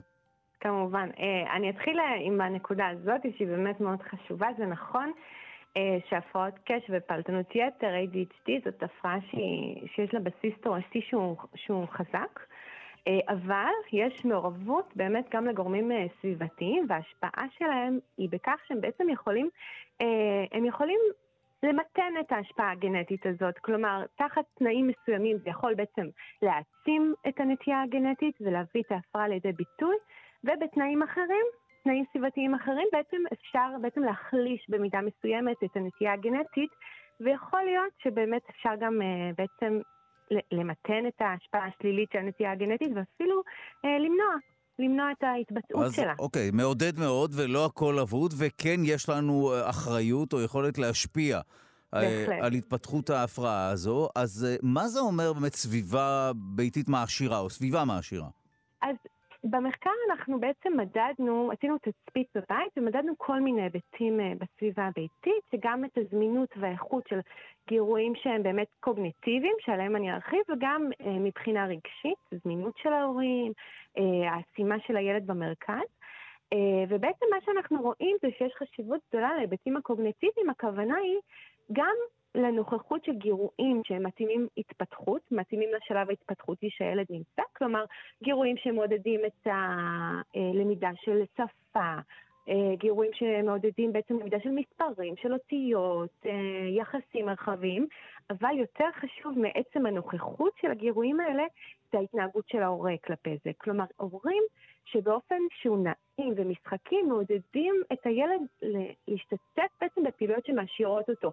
לקרוא ביחד ספרים, להרכיב ביחד פאזל. מה שבעצם אנחנו חושבים זה שיש פעילויות שדורשות טווח קשב שהוא רחב יותר, ובעצם ילדים בסיכון ל-ADHD זקוקים לאיזשהו תיווך מההורה בשביל שהם יוכלו אה, להשתמש. טוב, זה מעניין כי בכך. אנחנו יודעים שהדור הצעיר מאוד, אה, לרבות אה, ילדי לפחות הגדול, בין השנתיים וחצי, בעיקר חבר של יוטיוב. זה נכון. במחקר שלנו אנחנו לא, לא התעסקנו בנושא של מסכים, כי המחקר, כמו שאמרת, שהוא מתקיים כבר מעל 18 שנה, זה לא היה בתקופה ההיא. אנחנו את הסביבה הביתית של הילדים הערכנו כשהם היו בני ארבע וחצי, וזה היה הרבה פחות בולט אה, ההשפעה של המסכים. אני לא מומחית גדולה לגבי הנושא של מסכים, ולכן אה, באמת המחקר שלנו לא, לא התייחס להיבט הזה. אוקיי, okay, אבל אה, אז אם נחזור באמת למחקר עצמו, אם אני יושב עם הילד ומספר לו סיפור ומנסה כן לגרום לו להתרכז וכולי, זה משהו שעשוי איכשהו לכוות לו את המוח כך שאותה הפרעת קשב וריכוז אולי אפילו לא תתפרץ. נכון. מה שבעצם אנחנו מוצאים זה ש... תראה, סביבה שהיא ביתית, שהיא טובה, שהיא מעשירה קוגניטיבית ורגשית, היא חשובה לכל הילדים, אבל באמת יש חשיבות מיוחדת עבור הילדים אה, שהם בסיכון משפחתי, שאצלנו במחקר הסיכון המשפחתי הוא בעצם אה, נמדד על סמך התסמינים של ההורים שלהם, בעצם, שהילדים אה, האלה, של ההורים שלהם היו תסמינים גבוהים, mm. והצליחו ליצור סביבה ביתית שהיא מאוד מאוד אה, תומכת מבחינה קוגניטיבית, כמו שתיארתי, הילדים האלה ביצעו אחר כך, כשהם היו בני שבע, ביצעו מטלות קוגניטיביות בצורה טובה יותר אפילו מילדים שלא היו בסיכון משפחתי. הם הצליחו ממש להתעלות אה, מעל הסיכון ולבצע יותר טוב. וצריך לחשוף את הילדים לכמה שיותר גירויים? זאת אומרת, עד כמה נכון אה, אה, לחשוף אותם ל...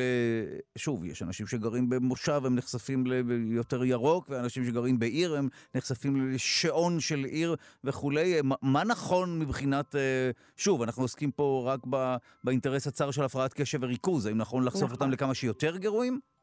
אני לא חושבת שזה עניין של כמות, זה יותר אה, עניין של איכות.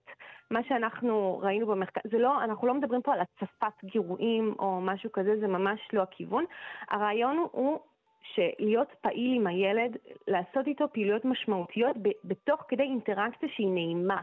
לא מצב שמלמדים את הילד mm. או שמפציצים אותו בגירויים, לא הוראה שהיא מכוונת, אלא משחק משותף, שיחה. הרבה היה הבדל, זאת אומרת, היה משמעות גדולה להיבט השפתי בבית, לדבר עם הילד הרבה, להקשיב לו, לעשות איתו פעילויות ביחד, שעוז, שעוזרות לו לספר סיפורים, את הפאזלים.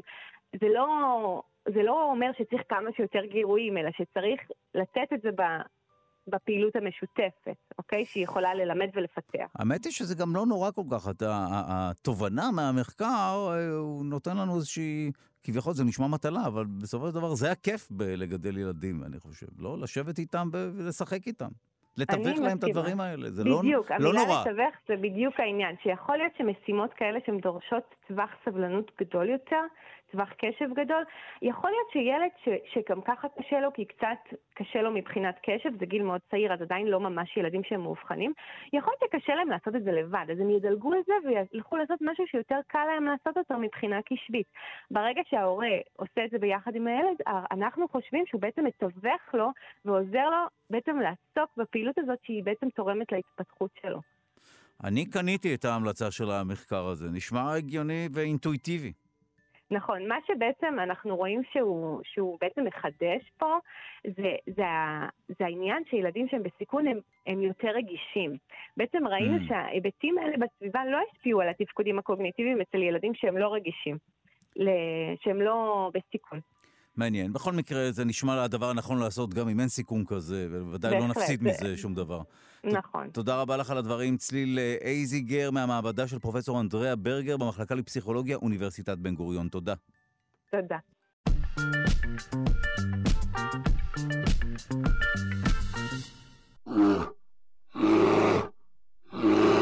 ועכשיו עמידות לאנטיביוטיקה שהגיעה עד לשיניים של דובים ביערות שוודיה. כך עולה ממחקר חדש. אנחנו שמחים לומר שלום לביולוגית ממכון דוידסון, הזרוע החינוכית של מכון ויצמן למדע, ורד שפירא, שלום.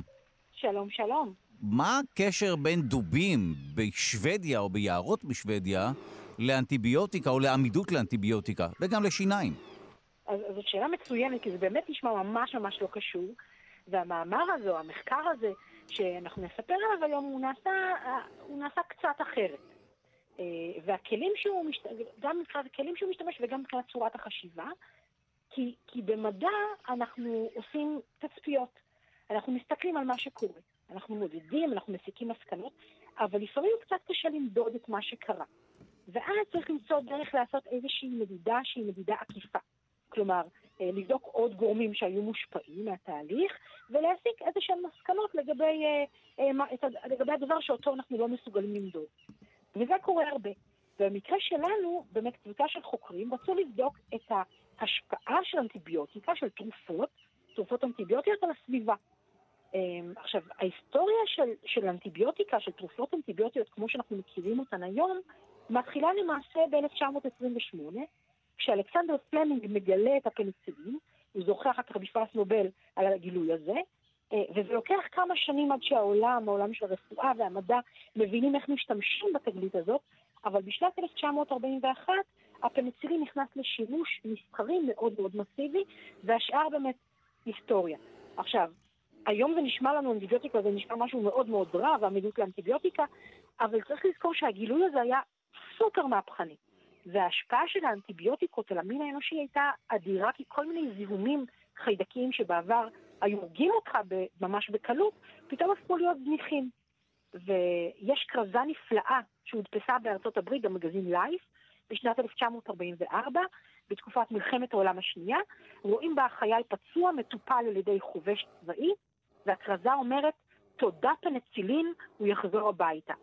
כי עד אז מרבית הקורבנות במלחמות לא מתו מפגיעות של האויב, אלא פשוט מזיהומים שקרו בעקבות אין מה, אין מה לומר, באמת, את צודקת שמדברים על אנטיביוטיקה בזמן האחרון כאיזה משהו שהוא בעייתי וכולי, והעמידות וכולי, אבל היה מדובר ב game changer, במשהו שהוא היה מהפכה אדירה. גמרנו, נכון, אה, הורגים חיידקים.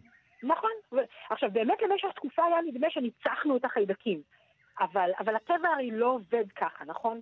חיידקים, היום אנחנו יודעים, מפתחים עמידויות לאנטיביוטיקות, עד כדי כך שהיום מגדירים את החיידקים העמידים לאנטיביוטיקה כאחד הגורמים שהכי מסכנים את האדם. אמ, ונשאלת השאלה, זה מה שרצו החוקרים האלה לבדוק, האם הסכנה הזו גם שמרחפת מעלינו, האם היא מסכנת גם את הטבע? האם יש השפעה של אנטיביוטיקות ועמידות לאנטיביוטיקה שזולגת גם לעולם החי? ו... ואותה קבוצת חוקרים שעבדו בשוודיה רצו לברר את הדבר הזה. אז כדי לבדוק הם החליטו לדגום בעלי חיים אה, שהם חיות בר, שחיות בסביבה מרוחקת מבני אדם, שהם לא ממש מושפעים באופן ישיר, אבל שלנו, בני האדם, יש דוגמאות שלהם שאפשר לדגום אותם שנים אחורה. שזה אומר פוחלצים, וזה אומר שלדים, וככה מגיעים אל השיניים של הדובים, כי הם בחרו בדוב החום המצוי, והם רצו לבדוק את המיקרוביום שלו לאורך השנים. שזה אומר כל החיידקים שחיים על גבי או בתוך היצור, באופן טבעי, אבל בגלל שברגע שהיצור מת, גם מרבית הדיירים שלו מתים, אז הם פנו אל השיניים. כי בשיניים יש את אבן השן של הדובים החומים, ובאבן השן עדיין אפשר למצוא שרידים של אותו מיקרוביום של חלל הפה, ואפשר לנסות להסיק אה, לגבי המיקרוביום של היצור, החיידקים שחיים בתוכו. עכשיו, דובים חומים הם מין של דובים שמחולק להמון המון המון תתי מינים.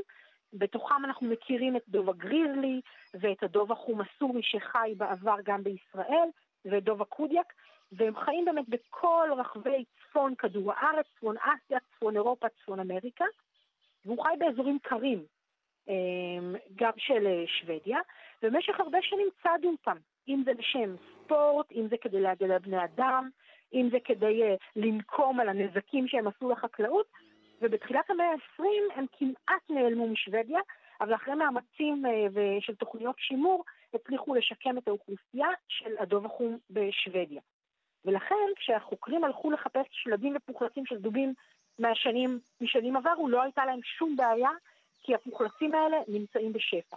אז הם אספו אבן שן מגולגלות של דובים שניצודו מ-1842 ועד היום, ודגמו את השרידים של המיקרוביום של חלל הפה מאבן השן של אותם דובים, והם עשו ריצוף גנטי וזיהו מי הם החיידקים שמרכיבים את אוכלוסיית המיקרוביום של הדובים. עכשיו, הם בעיקר חיפשו חיידקים בעלי עמידויות לאנטיביוטיקה, והם מצאו שני דברים מעניינים. הדבר הראשון שהם ראו זה שקודם כל גם בעבר, הרבה לפני שהייתה אנטיביוטיקה, היו חיידקים עם עמידויות לאנטיביוטיקה. אה, כי אנטיביוטיקה מיוצרת באופן טבעי על ידי יצורים חיים. למשל, אפילו הפניצילין יוצר במקור על ידי פטריית הפניציליום, אז כשיש אנטיביוטיקה באופן טבעי, יש גם כאלה שמפתחים עמידויות באופן טבעי. Mm. אבל הדבר השני, שהוא עוד יותר חשוב, זה שהם ראו ממש על, על, על, על ציר הזמן הזה שהם יצרו, שבמקביל לכניסה של האנטיביוטיקה לשוק השוודי בשנות ה-50, כשהשימוש באנטיביוטיקה נכנס חזק מאוד לבתי חולים ולחקלאות, פתאום רואים קפיצה, ממש הכפלה, של מספר החיידקים בעלי עמידויות לאנטיביוטיקה, גם אצל הדוב החום המצוי. ש... והשימוש, ו... וזה אומר שאפילו שזאת אוכלוסייה שהיא מאוד מאוד מרוחקת והיא לא נמצאת בבתי חולים, עדיין רואים את זה גם בטבע. אז איך זה הגיע אל הטבע? זאת אומרת, איך זה הגיע אליהם? או, אז ההשערה של החוקרים הייתה שהחשיפה לאנטיביוטיקות נעשתה או על ידי מקורות מים מזוהמים, או על ידי דובים שצדו בעלי חיים מבויתים שקיבלו אנטיביוטיקה, ו- והשימוש באנטיביוטיקה רק הלך וגבר. כי בתחילת שנות ה-70 שוודיה ייצרה כ-40 אלף קילוגרם של אנטיביוטיקה בשנה, ובשיניים של הדוב החום ממש רואים הכפלה של כמות החיידקים, ואפילו דובים שצדו אותם במרחק של מאות קילומטרים מהאזורים של ההתיישבות האנושית, אפשר עדיין לראות את הקפיצה הזאת. עכשיו, בהמשך, בשנות ה-80, שוודיה הפעילה רגולציות והגבלות על השימוש באנטיביוטיקה, גם בחקלאות, ובשנות ה-90 התחילה גם מודעות לגבי עמידויות לאנטיביוטיקה והגבלות נכנסו גם לרפואה, ואת זה, גם את השלב הזה, רואים בשיניים של הדובים, כי רואים לקראת אה, אה, דובים שניצודו בשנות האלפיים, רואים באמת את הירידה הזאת, ויש שוב הפחתה אה, בסימנים לעמידות לאנטיביוטיקה במיקרוביום של חלל הפה שלהם. עכשיו, שוב אנחנו רואים בעצם שהפעולות שלנו כבני אדם, שלפעמים נראות לנו נורא נורא נקודתיות ומרוכזות, ומרוכזות בעצמנו, כי הרי אנחנו הורגים את החיידקים שלנו, אז מה הקשר? אז אנחנו רואים שוב שבעצם כשאנחנו עושים את זה, אנחנו משפיעים על כל מארג המזון. אה, וזה מצד אחד נורא נורא פסימי, אבל מצד שני זה גם מראה לנו שכשהמעשים שלנו משפיעים, הם משפיעים לא רק לרעה, הם משפיעים גם לטובה.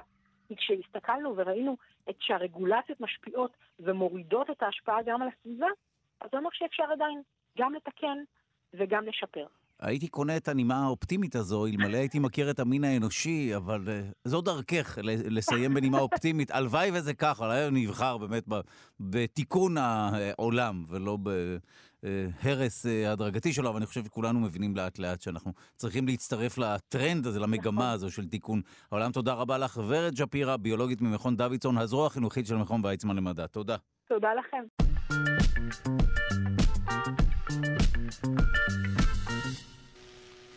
מאה אחוז חשמל ירוק בישראל ב-2030. האם מדינת ישראל תוכל להגיע למצב שבו כמאה אחוזים מהחשמל במדינה יגיע מאנרגיה ירוקה עד 2030? בעוד תשע שנים, מתברר שכן. כך עולה ממחקר חדש שנערך במחלקה להנדסת אנרגיה במכללת אפקה להנדסה על ידי הסטודנטים לתואר שני מיקי ארזואן וניצן בן מוחה שכבר נמצאים איתנו על הקו. המחקר נערך בהנחייתו של דוקטור משה תשובה והוצג במסגרת הוועידה השנתית למדע ולסביבה 2021. אנחנו שמחים לומר שלום למי שהובילו את המחקר במסגרת הלימודים שלהם לתואר שני בהנדסת אנרגיה במכללת אפקה, ניצן בן מוחה ומיקי ארזואן. שלום. שלום רב. שלום רב. ניצן, בוא הסבר לי מה בדיוק עשיתם למחקר ואיך הגעתם למסקנה הזו. אז אנחנו, אנחנו קיבלנו את הרעיון שלנו עקב הצורך, עקב הצורך הגלובלי בשימוש באנרגיות מתחדשות מהסיבות של, של הפחתת הסיכונים שנדבר בהמשך, בדקנו את האפשרות של מדינת ישראל לספק את כל האנרגיה שהיא צריכה מאנרגיות מתחדשות בלבד עד, אה, עד שנת 2030. זה המטלה, ש... זה המטלה שקיבלנו וזה 아, נושא המחקר. זאת אומרת, זו לא תוצאת המחקר, אלא זו נקודת המוצא שניסיתם איכשהו להגיע אליה. נכון, נכון. אוקיי, אה, מסקרן. אז אה, מיקי, בוא ספר לי איך בכל זאת אפשר להגיע ליעד הזה. אנחנו יודעים שזה לא פשוט. כן, אז מה שעשינו בעצם, זה בדקנו את כל האפשרויות שעומדות אה, לרשותנו באנרגיה מתחדשת, שזה אה, אנרגיה מהשמש, אנרגיית, אה, אנרגיה שעושים מהמים ואנרגיה מהרוח. לצערנו, ישראל לא משופעת במקורות מים רבים שאפשר לייצר מהם אנרגיה, אז אנחנו התמקדנו במחקר מאנרגיית שמש ורוח. בדקנו את האפשרות לייצר את כמות האנרגיה שהמדינה צריכה, תצטרך בשנת 2030. זאת אומרת, היינו צריכים לחזות את הצריכה ב, בעוד uh, מספר שנים, ואחרי שבדקנו וראינו שיש אפשרות עם השטחים שיש לנו במדינה, הגגות ושטחים פנויים uh, קרקעיים, לייצר את כל האנרגיה, בדקנו את האפשרות באמת להשתמש בה בצורה ש, שהמדינה צריכה, בשעות שצריך. זאת אומרת, לא רק מתי שהשמש זורחת והרוח נושבת. אז שילבנו גם מודלים של הגירה, אה, ולמעשה המסקנות שלנו הם שניתן אה, בעזרת הגגות הפנויים במדינה והשטחים הפנויים במדינה אה, להקים מערכות שייצרו אנרגיה, יאגרו אותה ויזרימו אותה לרשת בשעות שצריך. על מנת לעשות זאת גם חילקנו את המדינה לאזורים שונים ובחנו את הייצור אנרגיה עצמאית עבור כל אזור. ראינו ש... שלא צריך גם להעביר את האנרגיה במרחקים גדולים, ואפילו עשינו מודל כלכלי לראות אם זה כלכלי, ולהפתעתנו הרבה יוצא שהמדינה גם תרוויח מזה לאורך. די, אוקיי, זו השאלה הבאה שלי, ניצן. העניינים הם או כסף, או גם כסף, אבל גם יש את העניין הקיימותי, שבדרך כלל אוחז בו הרגולטור. אתם אומרים שכן מדובר במשהו שהוא כלכלי, יש פה מודל כלכלי לעניין. נכון, יש גם מודל כלכלי. אה, כמובן שעיקר הרווח הוא, ה, הוא ה, הייצור הירוק והנקי. המודל הכלכלי מראה ש, שהחסכונות מהפסקת הייצור הקונבנציונלי, זאת אומרת כל הנושא של אה, אה, דלקים, הובלת דלקים, אחסנת דלקים, כל החיסכון כתוצאה מזיהום, כל הצורך בהקמת תחנות כוח קונבנציונליות חדשות, לפי תחזית הגדילה, הגדילה בצריכת האנרגיה. את כל זה, את כל המספרים האלה שמנו מול המספרים של הקמת תחנות לאנרגיה ירוקה. וראינו את ה... ממש שמנו השקעה מול השקעה, ופרויקט של האנרגיה הירוקה מחזיר את עצמו תוך כמה שנים ועובר להיות רווחי. הראינו את הכל במספרים. וואו, אה, כשמגיעים לתוצאה כזו שהיא אופטימית וקיימותית וכולי, מה עושים עם המחקר? זאת אומרת, לאן מגיעים? מיקי, אם, אם תוכל לענות, הגעתם למישהו בממשלה, לשרת האנרגיה, שגם איתה דיברנו בתוכנית שלנו?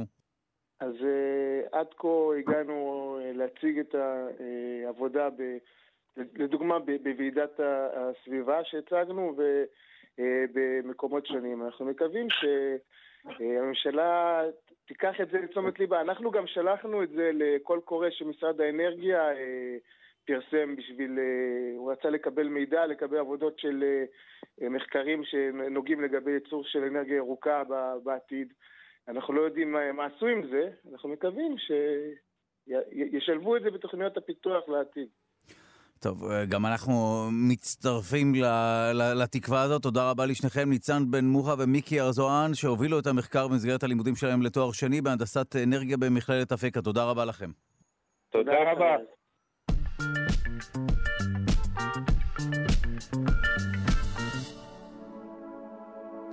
ובמסגרת פינת הקיימות נעסוק בחברת הזנק ישראלית שתמפה את כל ההחלטות הסביבתיות שהתקבלו עד היום ברחבי העולם על פי מידת היעילות שלהן, כדי לאפשר למנהיגי ומנהיגות העולם לבחור את האפשרויות הטובות ביותר. שלום למעצב יאיר אנגל, מנכ"ל קיימה, מרכז לתכנון ועיצוב מקיים, שלום. שלום וברכה. באיזו חברה מדובר?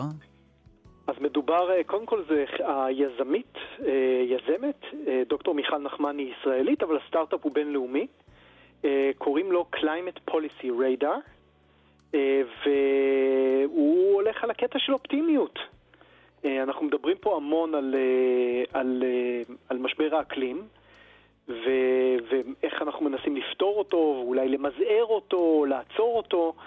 ודוקטור מיכל נחמני החליטה שאפשר למנוע את האסון האקלימי, ולכן הקימה את הסטארט-אפ הזה, שכמו שאמרתי נקרא Climate Policy Radar, והרעיון שלה זה לערוך מיפוי של כל ההחלטות הסביבתיות שהתקבלו עד היום, כדי לאפשר בעצם למקבלי החלטות לבחור את האופציות הכי טובות והמתאימות להם. אמ, כי, כי היום, כשרוצים לשנות אה, אה, ולקבל החלטות חדשות, הכל נעשה ידני. אה, והסטארט-אפ הזה עובד בעצם על אה, בנייה של מסד נתונים אה, בעזרת בינה מלאכותית.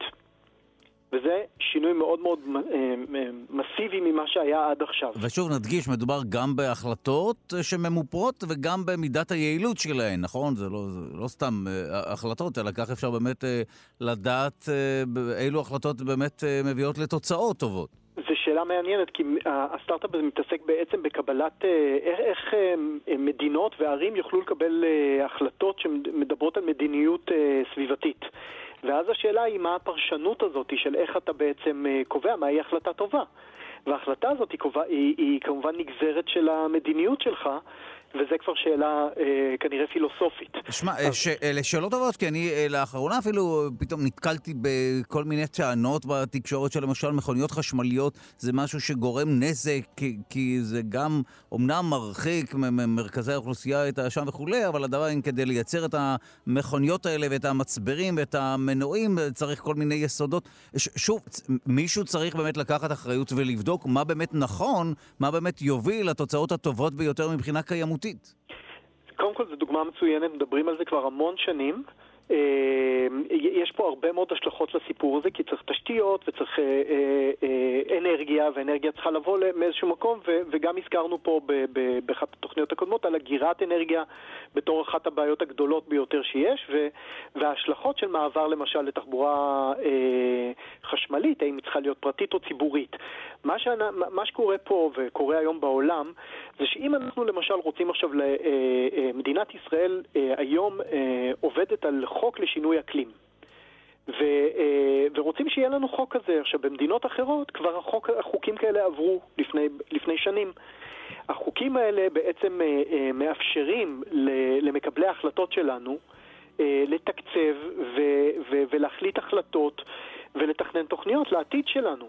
וההחלטות האלה, קשה מאוד לקבל אותן היום. היום כל המידע הזה, כל החוקים האלה, הם נמצאים. למעשה, מעניין מאוד, אה, אה, דוקטור מיכל נחמני, שהיא חוקרת ויזמית עם רזומה מאוד מרשים, ועם דוקטורט מה London School of Economics, היא עבדה במסגרת הדוקטורט שלה על מאגר מידע כזה. במשך, התחילה בדוקטורט, עבדו עליו במשך עשור, הוא עדיין, הוא ממשיכים לעבוד עליו, ולקחו את uh, כל החוקים הסביבתיים והעלו אותם, ואפשר להיכנס לזה. והיום כל המדינות בעצם נשענות על, ה, על המאגר הזה שיש בו אלפי חוקים, כדי לנסות להבין מה עשו במקומות אחרים בעולם. זאת אומרת, uh, uh, אם אתה רוצה עכשיו חוק שינוי אקלים, מה צריך להיות שם? עכשיו העניין הוא שבגלל שכל הסיפור הזה היום נמצא ב-PDFים ובכל מיני אה, אה, מסמכים ממוחשבים, מפספסים המון המון אלמנטים. מי יעבור על זה? אין כמות כזאת של אנשים שיכולה לעבור, לקרוא את הכל ולקבל החלטות. עוד דבר, שלפעמים המסמכים האלה הם לא בשפה שאנחנו רגילים לקרוא, וכל הרעיון פה הוא לקחת את הסיפור הזה ובעזרת בינה מלאכותית ליצור בעצם תפריטי אפשרויות ש... אפשר להתחבר למידע אמיתי. אם אתה עכשיו רוצה ליצור מערך תחבורה, למשל, לתל אביב או למדינת ישראל, ולהחליט את ההחלטה הזאת של אה, אה, רכבים חשמליים, למשל מעבר לרכבים חשמליים, היום אתה, אה, בעתיד, בעזרת הסטארט-אפ הזה, תוכל בעצם להבין מה עשו בכל מיני מקומות בעולם, בכל המדינות, אה, ולנסות להבין מה היה הכי טוב בדבר הזה, ולמצוא את זה בצורה מהירה, ממוחשבת, שאין כזה דבר. זה, זה, זה נשמע מוזר, אבל מה לעשות, אין כזה דבר. טוב, אה, אני מאוד מקווה שהחברים והחברות בממשלה מכירים את המערכת הזו.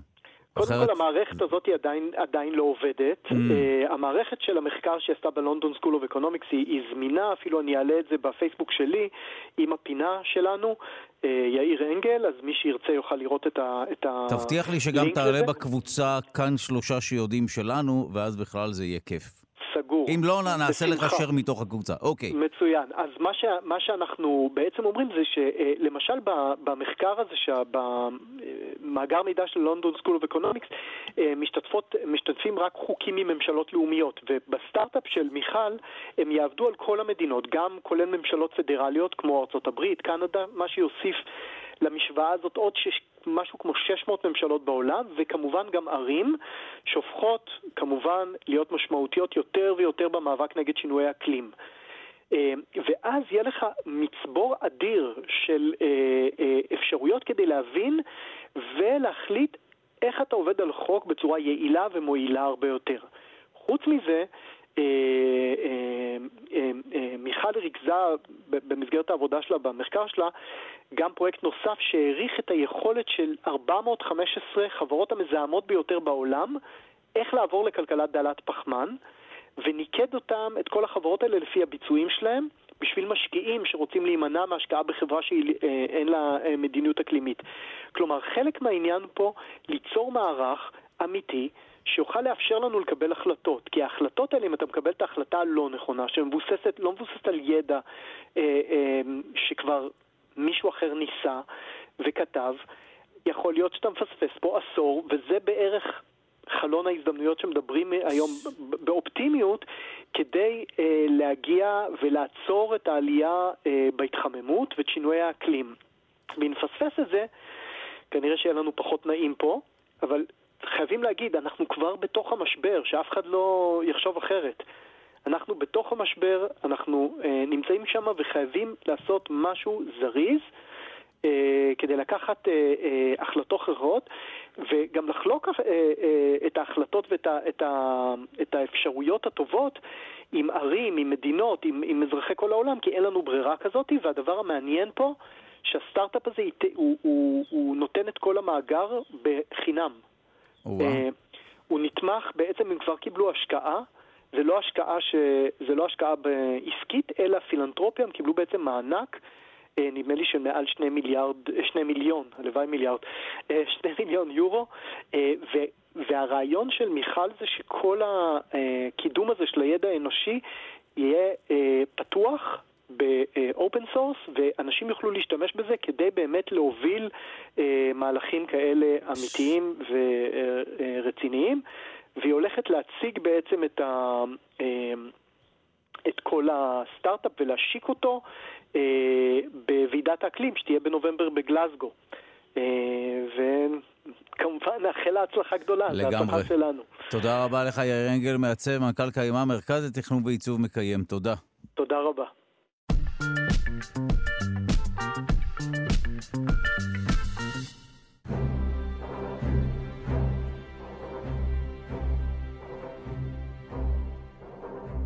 איך השפיעה מגפת קורונה על תחום הארכיאולוגיה? בשאלה הזו נעסוק במסגרת פינת הארכיאולוגיה שלנו. אנחנו שמחים לומר שלום למדען הראשי של רשות העתיקות, פרופסור גדעון אבני. שלום. שלום, בוקר טוב לכם. אז אולי זו באמת אה, נקודה טובה לעצור שוב. יש פה איזשהו גל שלצערנו אה, לא, לא שכח, אה, אבל הקורונה עדיין כאן, ובכל זאת אנחנו נערוך סיכום ביניים של השפעת התקופה המאוד מוזרה הזו, תקופת מגפה עולמית, על כל נושא הארכיאולוגיה. ואני משער שכמובן התחום מושפע מאוד. כן, האמת, כמו שאמרת, זה באמת תקופה מוזרה. ואנחנו עכשיו סוגרים שנתיים. אני אומר שנתיים כי בדרך כלל הארכיאולוגיה, רוב הפעילות שלה בשטח, חפירות בהרבה מאוד דברים, מתבצעת בקיץ. אז זה כבר קיץ שני, שכמעט ואין משלחות חפירה אקדמיות שמגיעות לחפור. רק כדי להבין את המספרים, אנחנו בכל שנה מדברים על סדר גודל של יותר מ-50 משלחות, שבין מאי לאוגוסט עובדות בשטח, חופרות בהרבה מאוד אתרים, חלקם מהארץ, הרבה מאוד משלחות מחוץ לארץ, והמשלחות מחוץ לארץ פשוט, כמו שתיירים לא, מג... לא מגיעים, גם המשלחות הללו לא מגיעות אלינו. והדבר הזה קרה באמת רק בתקופות של מלחמות, אם אני הולך אפילו מאה שנים אחורה, מלחמות העולם, מלחמת השחרור, כי תמיד חופרים בארץ, ופתאום שנתיים שאין חפירות אקדמיות מסודרות, חוץ מכמה יוצאים מן הכלל. השנה למשל היו שתיים שלוש חפירות כאלה, בתל אזקה, במוצא, אוניברסיטת תל אביב חפרה, אבל זה באמת היוצא מן הכלל. ובהרבה מאוד מובנים עבודת השטח היא פשוט נעצרה. לא לגמרי, כי כמו שעבודות הבנייה והסלילה בארץ ממשיכות, וכל מי שנסע בארץ בשנתיים האחרונות ראה את זה, גם חפירות ההצלה ממשיכות. זאת אומרת, אותן חפירות שהן נגזרות מפעולה של בנייה ופיתוח, הכבישים, הרכבות, השכונות החדשות, אבל הפעילות האקדמית בארכיאולוגיה בשטח ספגה, אפשר להגיד, סוג של מכה. האנשים לא הגיעו לחפירה, אנשים בילו את הזמן כמובן בכתיבה, במחקרים מסוגים אחרים, ובהחלט יש פה מצב חדש שלא הכרנו אותו. ואפשר ללכת ברחבי הארץ ולראות אתרים שבהם היו חפירות מאוד גדולות, כמו קיסריה, או כמו בית הכנסת בחוקוק, שאנחנו מגלים שם כבר קרוב לעשר שנים משלחת מארצות הברית חופרת פסיפס מדהים. וכל הדברים האלה לא קורים, ועכשיו אנחנו שואלים מה יקרה בשנה הבאה, כי חפירות כאלה מתארגנות הרבה מאוד חודשים מראש.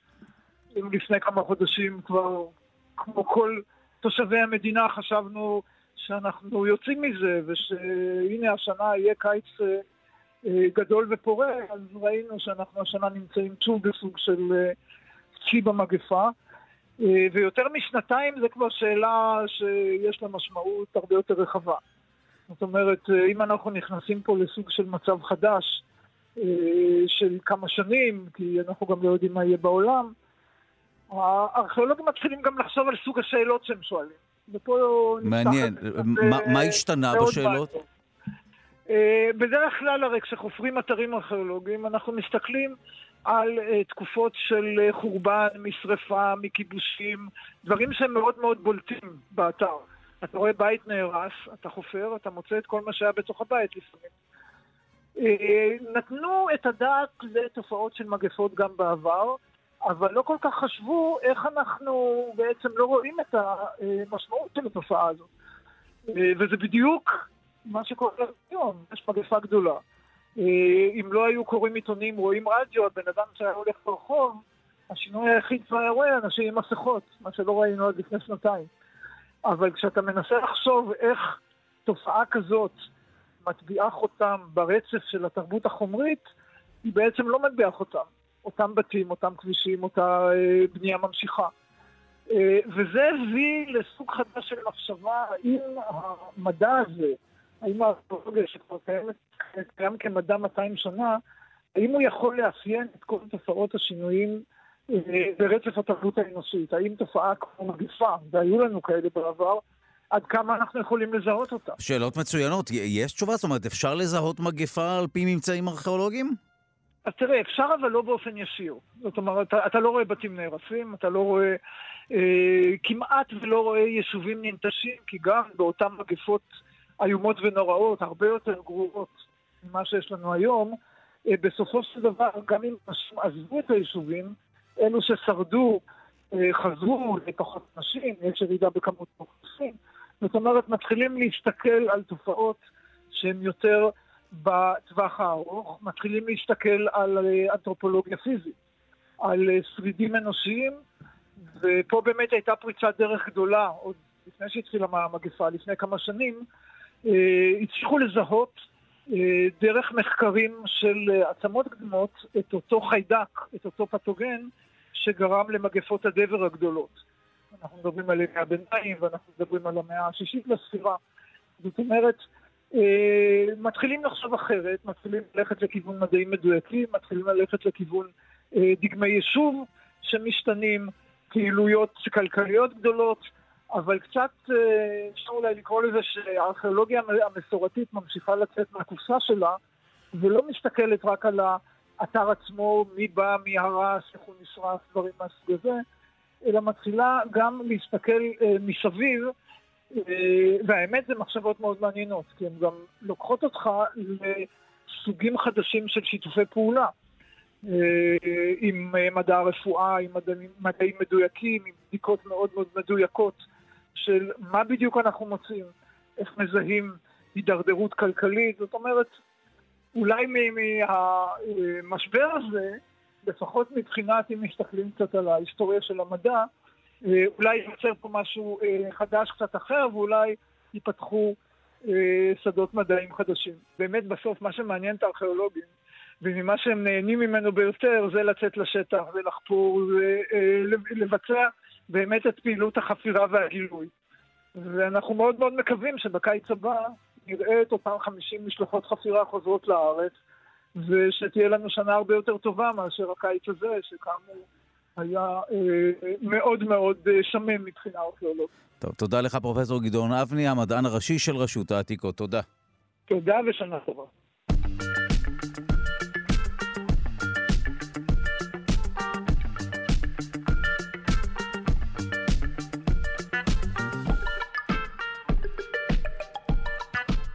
אנחנו סיימנו את התוכנית, העורך שלנו הוא רז חסון, המפיקה היא אלכסנדרה לויקר, על הביצוע הטכני תמיר צוברי, תודה רבה ליגאל שפירא שמלווה אותנו.